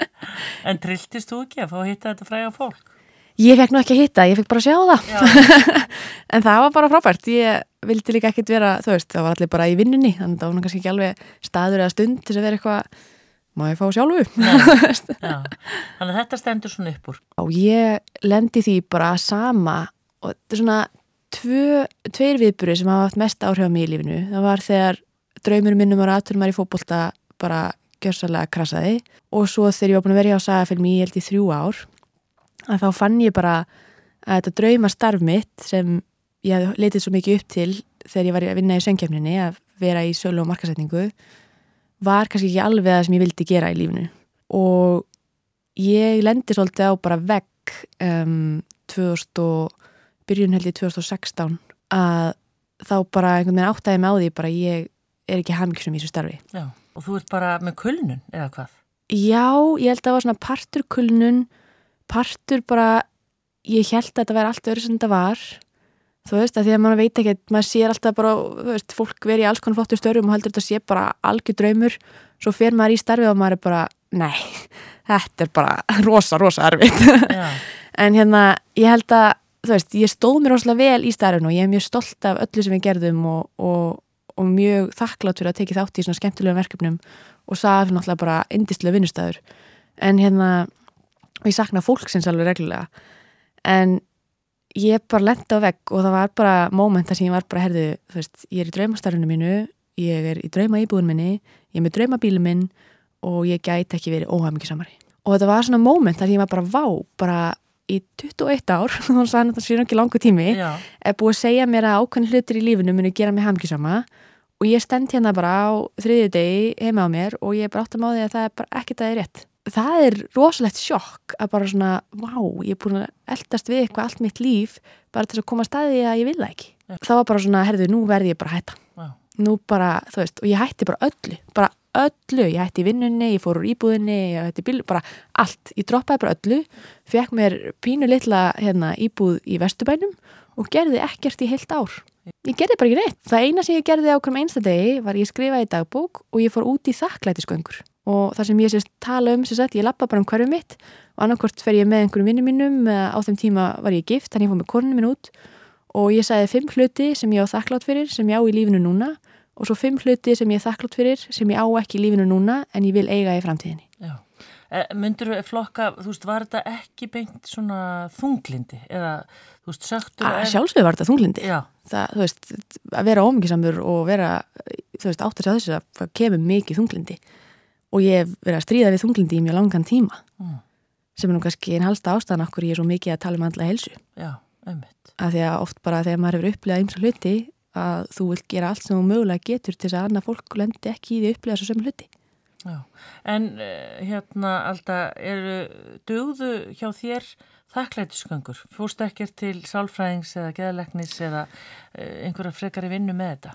Ég fór til sálfræðings því ég var ennþá að vinna á sagafilm og hérna og uh, það var bara ekki fyrir mig. Um, ég tala alltaf um sko andlega koktelinn, út að pröfa allt Þú ert að pröfa að fara til gælnis, pröfa að fara til sálfræðings, pröfa að fara til markþjála, pröfa að fara til lífsvækja, pröfa að fara í dálislu. Ég er mér sér að fara í dálislu líka. og það var ekki, e, það virka ekki alveg fyrir mig, um, en líka á þeim tíma sko, svo hætti ég í sagafilm og þá átti ég kannski ekki mikið á milli handana og þá var kannski aðeins og dýrt fyrir mig að fara að reyna að pröfa bara eins mikið að sálfræðingum og ég gatt. Þannig að það var kannski ekkit alveg búið fyrir mig að fara í einhverju mega sálfræði meðferð. Þannig ég bara svolítið settist niður og bara herðu ég það bara að gera það sjálf. Já. og ég meina, ég var sjálf lærður sjálf og markstjóri á sagafilm og gæti verið að ég gæti kannski orðið sjálf lærð í sjálfur mér. Já, þannig að ég fór bara að læra á sjálf mér Bara rétt á hennum tökum hlið, Aldakarinn uh, var, var hluti af þessu hvernig einhvern veginn svolítið svona lappar á vegg? Þú mættir ákveðnum svona, ég ætla ekki að segja fordómum, en það var alltaf verið að spyrja þau svolítið út í aldurinn. Já, ég var lengi 28 ára. Já, bara lögst. Já, bara, ég þurfti bara vera tekin alvarlega. Já, Þú veist, bara hefði ég sagt að ég var 19 ára þegar ég fekk starfið, þú veist, og ég var að reyna að fá inn samninga, það hefði bara ekkert virkað, sko. Þannig að oft var ég bara, já, þú veist, ég er eh, hérna á 20 aldri, skilur já. og, þú veist, og þá fá fólk að sé bara, já, hversu 28 ára og þá svaraði ég ekkert. En hverju voru þetta? Hverju er fólk að spyrja um aldur og... Uh, þegar þú starfar sem sjólumarkstjóri að þá er rosalega mikið partur á starfinu er sagt uh, product placement eða sagt uh, vörur innan þátta. Og þá ferðu að hitta fyrirtæki út um allan bæ og sagt selja þáttin og ég var mjög góð í því að finna fyrirtæki sem virkilega myndu, hérna, myndu græða á að vera inn í þættinum. Þannig að hérna ég fór og hitti fullt af fyrirtækjum og þá fekk maður oft þau spurninguna, skilur, hvernig uh, hvað ertu búin að lengi á sagafilm og svo framvegs og hérna, og þá var ég alltaf rosa hrætt um að fólk myndi dæma mig út af aldrinum, af því að ég veit bara ég hef gert það sjálf. Og hérna þannig ég gerði mitt besta en að forðast þá spurningu, sko, en þegar hún kom upp að þá sagði ég bara, já, ég er týtsaldri Mm. og það einhvern veginn bara virkaði og það er bara Robert, en þú veist, ég var líka einu sinni ég fekk fyrir rosalum fórdum að því líka ég var kona. Já, og stundum svöru fyrirtæknir ekkert um að koma á fund og þá fann ég upp aðstofamann, hann heit Sigurður og hann stundum bara sendi e-mail bara sem Sigurður og var að bóka fundi fyrir mig. og það virkaði. Já. Heldur að þetta hefur breyst? Ég vona það en ég er ekkert, ég held að það er breyst sumstar en alls ekki allstar. Nei. Við ætlum að taka örstuð hér núna, hún er gestur minn hér, hún Alda Karen Hjaltalín og við ætlum að halda áfram með svona setni lutana lífi hennar, þó hún sé kottnunga en þá, þá er hún búin að bralla ímislegt og býr núna til dæmis og starfar í York. Sunnudagsögur með Hrafnildi Haldósdóttur á Rástfö. Hún er gestur minn, hún Alda Karen Hjaltalín sem við ákvæðum eins og ég sagði á þann í upphafi að kalla markaðsmannisku og fyrirlesara. Alda, við erum búin að skauta yfir lífið þitt út en þá kottnung fætt 1993. Eh, þú hérna sagði frá því í lok fyrirlutans að þú sagt, labbaðir eða gegst á vegg hjá sagafilm langar að hætta skiptir, eða bara skiptir um íbúð, seldir bílinn, fórst að hugsa svolítið inn á við og þetta er hvað, vinna sem stendur yfir í eitt ár. Já, rúmt ár stendur þessi sjálfsvinna yfir, það sem ég bara geri ekki neitt nema reyndar svona undir lokin, þá náttúrulega átti ég engan penning, þannig ég fór að vinna sem barþjótt í smá tíma og hérna og, og aðeins í uppvaskinu og svona. Um, svo bara í nóvember hefur maður sambandum í gegnum LinkedIn að nafninu Jón Bræk Gíslason og hann býður mér vinnu sem sölumarkastjóri Ghostlamp. Sem er hvað? Ghostlamp er sér svona áhrifalda fyrirtæki sem tengir saman áhrifalda og, og vörumerki uh, til þess að auglýsa vörur á samfélagsmiðlum. Já, sem er bara fyrir þá sem kannski ekki þekkja og já, ég vil meina að það er svolítið tala, það er svolítið lit, litið niður á þetta því að þetta er einhvern veginn, Já, dulin markasastum í Já. óskonum, já. Já, það er mikið, þetta er náttúrulega ný markasrás, svo að segja, og, og það er líka oft bara litið niður á mikið af svona markasmálum. Þannig að þetta er svona, þetta er svona einaði markasrásum sem er frekar ný og hefur verið svona ný á samfélagsmiðlum, en hefur samt ekkert verið sko, þetta er alltaf gömul aðferð samt.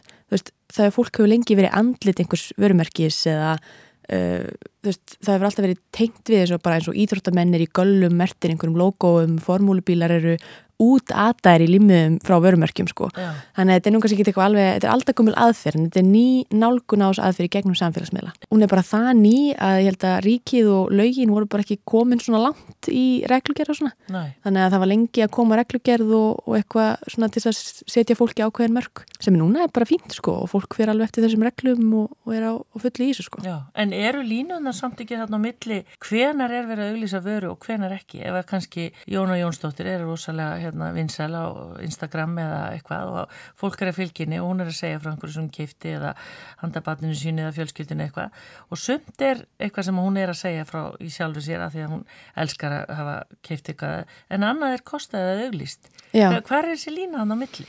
Já, hvort hún takkar það sem auðlýsingu eða ekki. Já, Og svo er núna oft sko áhrifald að byrja að segja sko, herri ég er búin að elska þess að vera í tíu ár, þetta er ekki veist?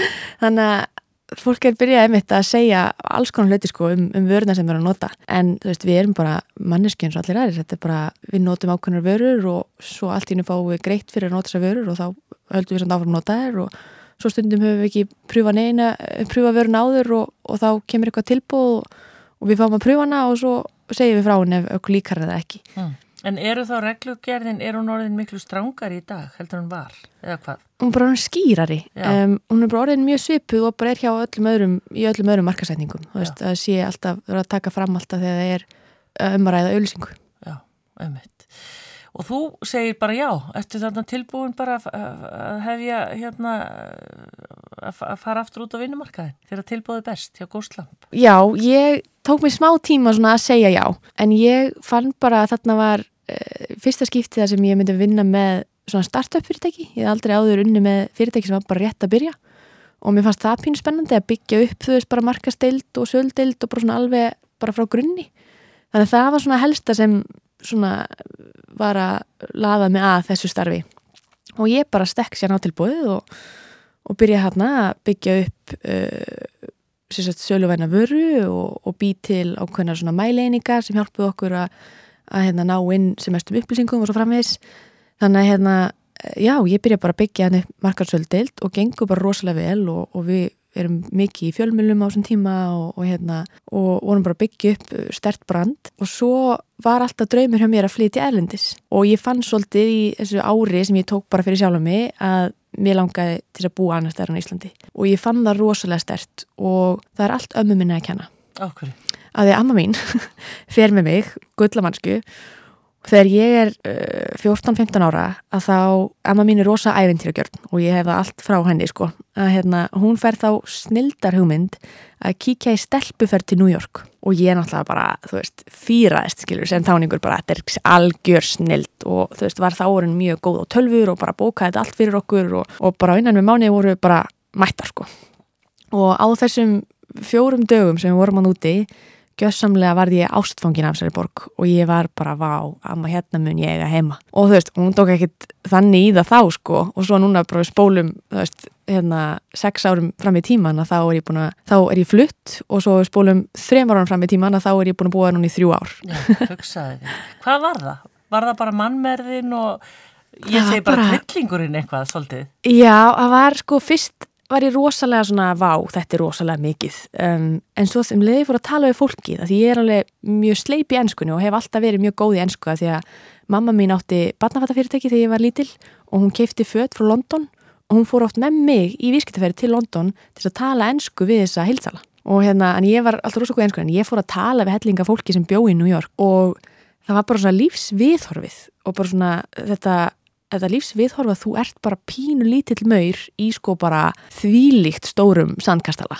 Og, hérna, og mér fannst það geðvikt að ég bara var null og ekkert í New York og þurfti bara algjörlega að hafa fyrir öllu. Mm. og ég flytti hana 2017 og bara, þú veist, ég þekki engan ég þekki ekkert, ég þekki engan, ég er algjörlega einn og mér fannst það geðvikt og ég bara, ég flutti inn, ég postaði á hana Íslendingar í New York, það sem ég elska mest í Íslendingar sko, er að við erum alltaf með Facebook-kóp fyrir hvert land, Já. það er alltaf Íslendingar í Tókjó Íslendingar í New York, Íslendingar á Dalvik en hérna, en ég bara fann þennan Facebook-kóp, postaði bara, ég er að koma og mjöntar í búð og, hérna, indislegt par, Rebecca og Úlfur, svöruð mér bara um leið, bara við erum hérna bara með herbyggi fyrir þig og ég bara komið og ég bara frábært Þannig ég bara var mætt Já. og sko frá því að ákvörðinu tekinu frá því að ég komin út, það voru ekki einu sinni sko þrýr mánuðir sem liðan á milli. Nei. En fóstu þá sem þetta vinna þá fyrir þetta fyrirtæki í Góðsland? Já. Var það sem þetta bara Ísland fyrirtæki í útrás eða hvað? Já, Já. ég bara sannferði yfirminn mína um að þetta væri bara skrefi rétt átt og þarna væri bara vörumerki úti sem myndi þurfa þjóðlistin okkar að halda.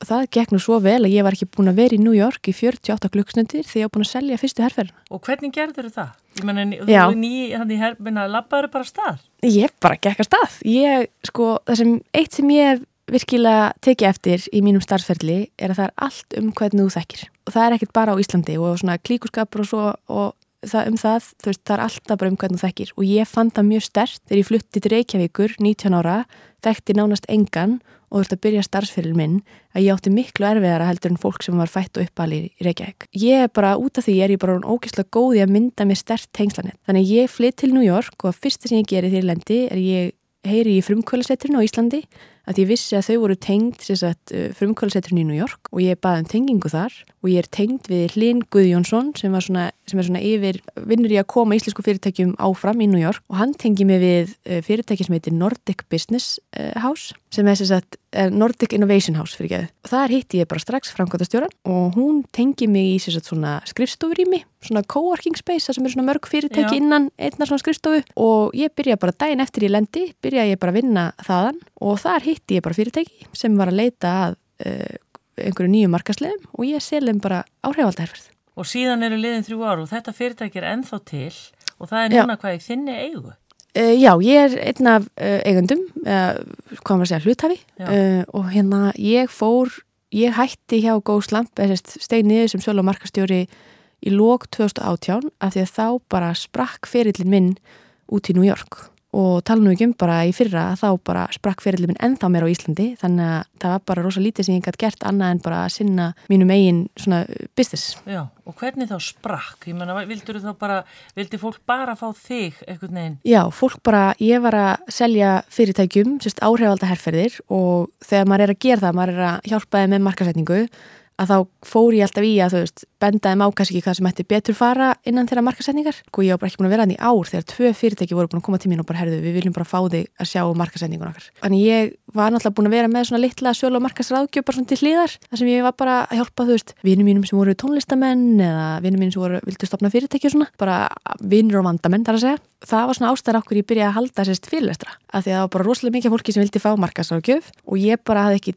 tíma til að sinna öllum þannig ég fór bara að halda fyrirlestra um sölu og markasráðgjöf. Bæði hérna úti og hérna heima? Já, bæði og, hérna, og ég held fyrsta fyrirlestur minn á Íslandi sem gössamlega sprakk seldist upp á bara nokkurnu klukkutímum og við ertum að skipta tvísvarsunum sal að þeir vorum alltaf yfir litlum sal Já og, hérna, og enduðum í norðurljósum í hörpu. Hvað hérna, hétt þessi fyrirlistu sem að spara? Uh, eh, Lindamál mín í sölu, markasetningu og lífi sjálft. Og hann bara endar í norðurljósasal hörpu? Já, Já. Og bara, og þú veist, það var frítinn á hann, þannig ég, það kostiði mig fólku fjára að halda hann að blessa fyrirlistur og svo bara viku eftir hann fyrirlistur er ég alveg flutt til New York og held annan svona fyrirlistur, bara My Secrets in Sales, Marketing and Life í New York sem seldist líka upp á. Þannig að þetta var bara svolítið merki frá heiminum til mín, bara herðu þú átt að halda fyrirlestra. Þannig ég feg bara fullt í það, bæði í New York og svo einna heima og kem aftur heim í janúar 2019, nei 2018 og held fyrsta live masterclass í Eldborg í Hörpu.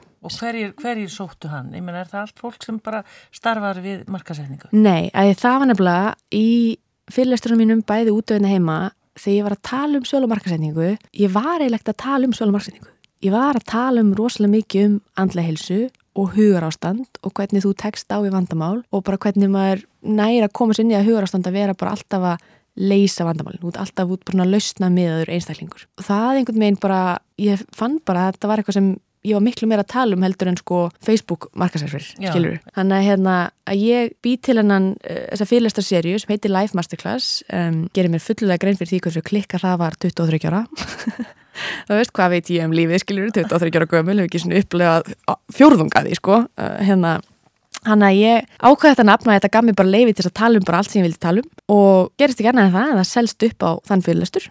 Og hérna og ég held þarna þryggja klukkutíma fyrirlestur í, í Eldborg og bara fann bara já þetta er eitthvað sem fólk vil talum og þetta er eitthvað sem við þurfum að talum. Þannig að þú tengir inn bara þína reynslu, eh, andli líðan og bara heilbriði og allt það og þetta er ná tengt til dæmis verkefnið þínum í svona markasetningu. Þú ferð ekki langt ef þér líður ekki vel. Nei og líka bara að mæta einn, þekkja engan og ekkert fyrst í Reykjavík og svo í New York. Þetta var ekkert spurningum hvort ég var góð í sól og markasetningu. Þetta var bara spurningum hvort að hausinum verið leið. En hvernig, hvernig ertu núna? Ertu núna bara orðin, áttu bara endalust að vinum í New York og, og er búin að kaupa þér eitthvað hús eða ekki býrðið ennþá í herbygginu hjá hérna, íslensku hjónunum? Ég sem bet, hérna, ég var endar, átti yndislegan tíma þar en hérna, en ég sem bet verið búin að setja niður góða rætur í New York og þú veist, það var alveg erfitt og ég veit ekki það alveg, mjög erfitt fyrsta árið, þú veist, ég hitti yfir hundra manns fyrsta mánunum minni í New York að ég var bara, ég vissi bara þetta er allt um stertengslanet og ég syns að var áttið svolítið erfitt og ringdi mitt í mömmu mín oft og mamma mín er sko besti vinnu minn og hérna og ég er rosalega heppin með, með foreldra. Og hún syns að segir alltaf yfir bara alltaf mín, þú veist það tekur tvö ára að venjast nýjum stað. Þú veist ég var alltaf bara, mamma þú er aldrei flutt neitt þú veist ekki, þú veist hérna.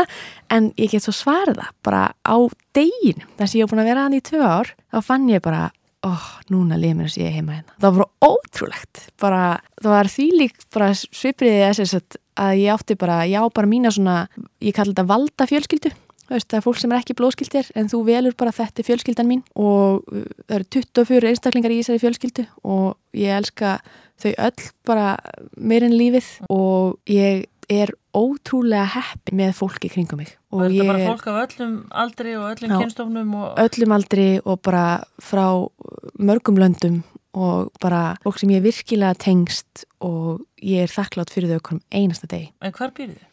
Ég bý núna, sko, ég bjó fyrst í Brooklyn í Greenpoint, svo flutti ég til Manhattan í heilt ár og Manhattan var bara allt og mikið fyrir mig. En ég flutti sérst núna síðastliðin nógumber flutti ég aftur til Brooklyn í Crown Heights Já. Og býð þar með einmitt tveimu bestu vinkunum mín. Já, þið deili bara íbúð, Já. alla með sér herbyggi og svo sameigilegt. Já, ég sérst vildi búa aftur í húsi. Ég var, ég ólst upp í einbilshúsi á Akureyri á Erinni og eða bara búin að búa í blokkum út í New York Þannig að ég vildi búa í svona sem kallast townhouse og hérna og við fundum flott townhouse í Crown Heights sem við áttum efni á og gátum flutt inn í. En við erum með rosalega stóra stofu og rosalega stóra borstofu Já. og það var rosalega mikil til mig að ég held rosalega mikið að matabóðum og það er eitthvað sem ég mæli með að allir geri að halda oft matabóð fyrir vinið sína að ég er ekki mikil tjammari, ég hef aldrei verið mikil tjammari, ég hef aldrei verið mikil fyrir eitthvað svona uh, þú veist, áfengi og výmefni og okkur svona, ég er aldrei, þú veist, náttúrulega fætt og uppalinn, sko, fókbóltamæður döðans, en ég var, þú veist, ég held ég fekk með fyrsta sopa bjór því ég var 21 árs. Og það var að framlegandi í sagafilm sem kipti bjór fyrir mig í hátinn á því átti amali, skilur þú veist, og mér ást að viðbjór, algjör viðbjór. Þannig að drekkur þú bara ekki eða? Nei, ákaflega lítið, Já. ég er alveg bara ef ég fer í einhverju svona, þú veist, ég skil ekki hvernig fólk getur ekki rauði ég er alveg bara, ég geta ekki sko mér finnst það svo gaman að halda og hvernig matabóð? Erst þú þá bara að elda alla réttina og... Já, stundum panta ég inn mat sko hérna það hefnast ekki alveg nógu vel um, en líka oft þá kemur fólk bara við eldum alls saman já, já. sem er rosalega skemmtilegt líka og hérna það sem ég ger alltaf í matabóðum er að ég býð fólki sem kannski endilega þekkist ekki það er svona ákveðin vani sem ég hef tað með mér er að tala alltaf um, sko alltaf þegar ég er að lýsa mannesku eða tala um mannesku að fyrsta sem ég segi er hvað ég elska þessa mannesku. Þannig að ég sé að allir setjast í matborðu, ég kynni hvern og einn og hvað eru að gera og svona og svo segi ég hvað ég elska við hvern og einn. Þú veist bara, ég elska hérna uh, Alisonna því að hún er svo ótrúlega góður vinnur og hún bara, eða alltaf, eða eitthvað sem amar að mér að þá er hún alltaf fyrst til að mæta með súkulæði köku og, og hérna uppbólsnami mitt og hlusta á öll mínu vandamál. Skilur, hann er hérna ég segi alltaf svona til að kynna fólk betur og þar með síðan styrkja tengslindi þeirra. Þannig að það er alltaf nýtt og nýtt fólk í matabóðinu? Alltaf nýtt og nýtt fólk sko, það er indislegt. En hvað sé þeir sem búið með þér að þú sért alltaf að halda matabóð? Er, er, þeir, er þeim bóðið? Stundum. ég þarf að rótir alveg mikið sko, en, hérna, en það er bara að elska þetta og það er að hitt svo rosalega mikið fólki í, í gegnum mig líka, Já. þannig að það finnst það ekki leðlegt. Nei. Alltaf Karin, í dag þá áttu semst hluti í þessu fyrirtæki, Kostlamp, en þú starfar fyrst og fremst bara að eigin verkefnum og ert að halda fyrirlestra og er það starfið? Já, ég ásýrst bara markastofu og ég sé bara um, um markasmál fyrir mikið af fyrirtækjum, uh, sérstaklega út í New York og hérna og held sér hann fyrirlestra bæði í New York og svo held ég fyrirlestu sérst einu svona ári á Íslandi. Já, og hann er núna í lok februar? Hann er núna 28. februar á fyrsti í Hörpu. Og um hvað er hann? Hann er sérst live masterclass og hann er um starfsfyrirl. Bara hvað þú þarfst að gera til þess að búa til farsalan starfsfyrirl og, sérst, og þá er mynd mikilvægt áherslu á að styrkja tengslinni og þá sérstaklega út fyrir landsteinana og ég hugsa að þennan live masterclass er fyrir fólk sem þórir svolítið að hugsa stærra og þá er mitt út fyrir landstirana. Þannig ég sé að markmiði með Life Masterclass alveg frá því við byrjuðum var tvennskonar. Fyrsta lagi var það með langar óst til að stopna skóla sem var algjörlega bara um uh, hérna, andlega heilsu og koma sér framfæri og svo framvegis. Í setna lagi var það að koma eða búa til sérst, svið sem myndi laða að flotta erlenda fyrirlesara. Og það var alltaf svona á bakvið eiraða mér var að búa til svið sem ég geti markasett erlendis og fá, þú veist, ótrúlega flott fólk til að koma og tala við okkur litlu Íslendingaþjóðina. Og það hefur núna bara tekist. Og í fyrsta skipti, það búið að taka mig fjögur ár að byggja upp þetta svið, er ég að fá til mín eh, erlenda fyrirlesara og sko ekki af eh, vera tænu, við erum að fá til okkar Guada Stúart sem er grafískur hönnur fyrir bara frægasta fólki heimi, þar á meðal frægustu raunveruleika stjórnu fjölskyldi heimi, ég má ekki nefna það á nafna því að skrifa undir samning um, og svo er ég að fá Sidney Lai sem er eh, kölluð Mark Zuckerberg engla fjárfestana í, í New York. Hún sérst náði yfir 36 miljón dólarum í fjárfestingar á sístu tveimur árum sem er yfir sko 3000 miljónir, ég veit ekki þetta er alveg bara fáranleg tala. Um, og svo er ég að fá Emily Nesevitz sem er kallast Artist Repertoire hjá Atlantic Records sem er hérna eitt stærsta útgáðfyrirtæki í bandaríkinum, er einmitt með Ed Sheeran og, og Missy Elliott og alveg bara svona stærstu stjörnur okkar tíma. Og hún sér, um að uppgöta nýja tónlistamenn og ég hugsaði bara ég verða að fá einhvern til þess að bara koma og horfa á Íslands tónlistalíf bara, Íslands tónlistalíf er bara veist, það er nánast bara eins og rítöfundar, eitthvað, einn af hverjum tíu Íslandingum er rítöfundur og ég held að sko einn af hverjum fimm er tónlistamæður. Og við náttúrulega núna böðum okkur upp úr árangri hildar allt þetta. Nákvæmlega sko. Þannig að hún sér að já, hún sér um að uppgöta tónlistamenn, komaðum á málum hjá Atlantic Records og komaðum það á toppin. Já.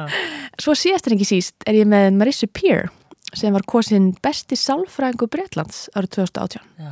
og hún er eitt farsælsti sálfræðingur bara í heimi og er með mest selda netnámskeiðið í RTT um, sálfræði sem hérna uh, er rosalega góður um, kurs og hún, þó svo ég hef aldrei farið í sálfræði tíma hjá henni að þá er ég samt orðin svo heppin að við erum pínu tengdar og erum búin að vera mentor hjá mér mjög lengi og það var mjög gott að geta leita til hennar í fyrra. Alltaf Karin, ég veit þetta hljóma núna og ég lefiði bara að segja frá þessu að þetta er mjög áhugavert og örgulega margir spenti fyrir þessu. Mér langar svona réttir okkur, hvert stefnur, þú, sko, það skal líka tekið fram, þú ert búin að gifta þig einu sinni, þú ert búin að skilja. Mm -hmm.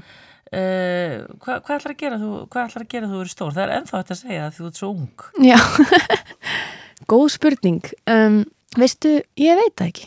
Ég er svolítið bara svona að gefast upp fyrir lífinu og leifa lífinu svolítið bara svona að sína mér að því að það er ekkit oft gott að vera eitthvað, ég er stjórnaði ekkit hvar ég endi enda, en þú veist, ég ger ekki eina sem ég get gert er bara mitt besta okkur mennsta degi og lífið sínir mér svo bara hvert ég á að fara mm. Heldur þú búið frekar í New York heldur en á Íslandi? Já, og ég er auðvitað með markmið á draumað í New York og ég get bara sagt einn af þessum draumum er að mér langar uh, til þess að gera Alexandria Ocasio-Cortez að fórsetta bandaríkjana og ég mun, og eina ástæðum okkur ég er að leggja gífurlega vinnu í markasetningu er svo ég geti aðstóð hana Og hvena sér þið fyrir þér að hún verði það? Bara sem fyrst Það held að veri ekkert meira gefandi en að hjálpa þessari ungu konu að verða fyrsti kvennmannsforsti bandaríkjana. Já, spennandi. Alltaf Karin Hjaltalín, við sjáum hvort að þetta rætist en gangi er vel og bara verður gaman að fylgjast með þér í framtíðinni. Takk fyrir komuna í Sunnudasögur. Takk fyrir mig. Sunnudagsögur á Rástföð.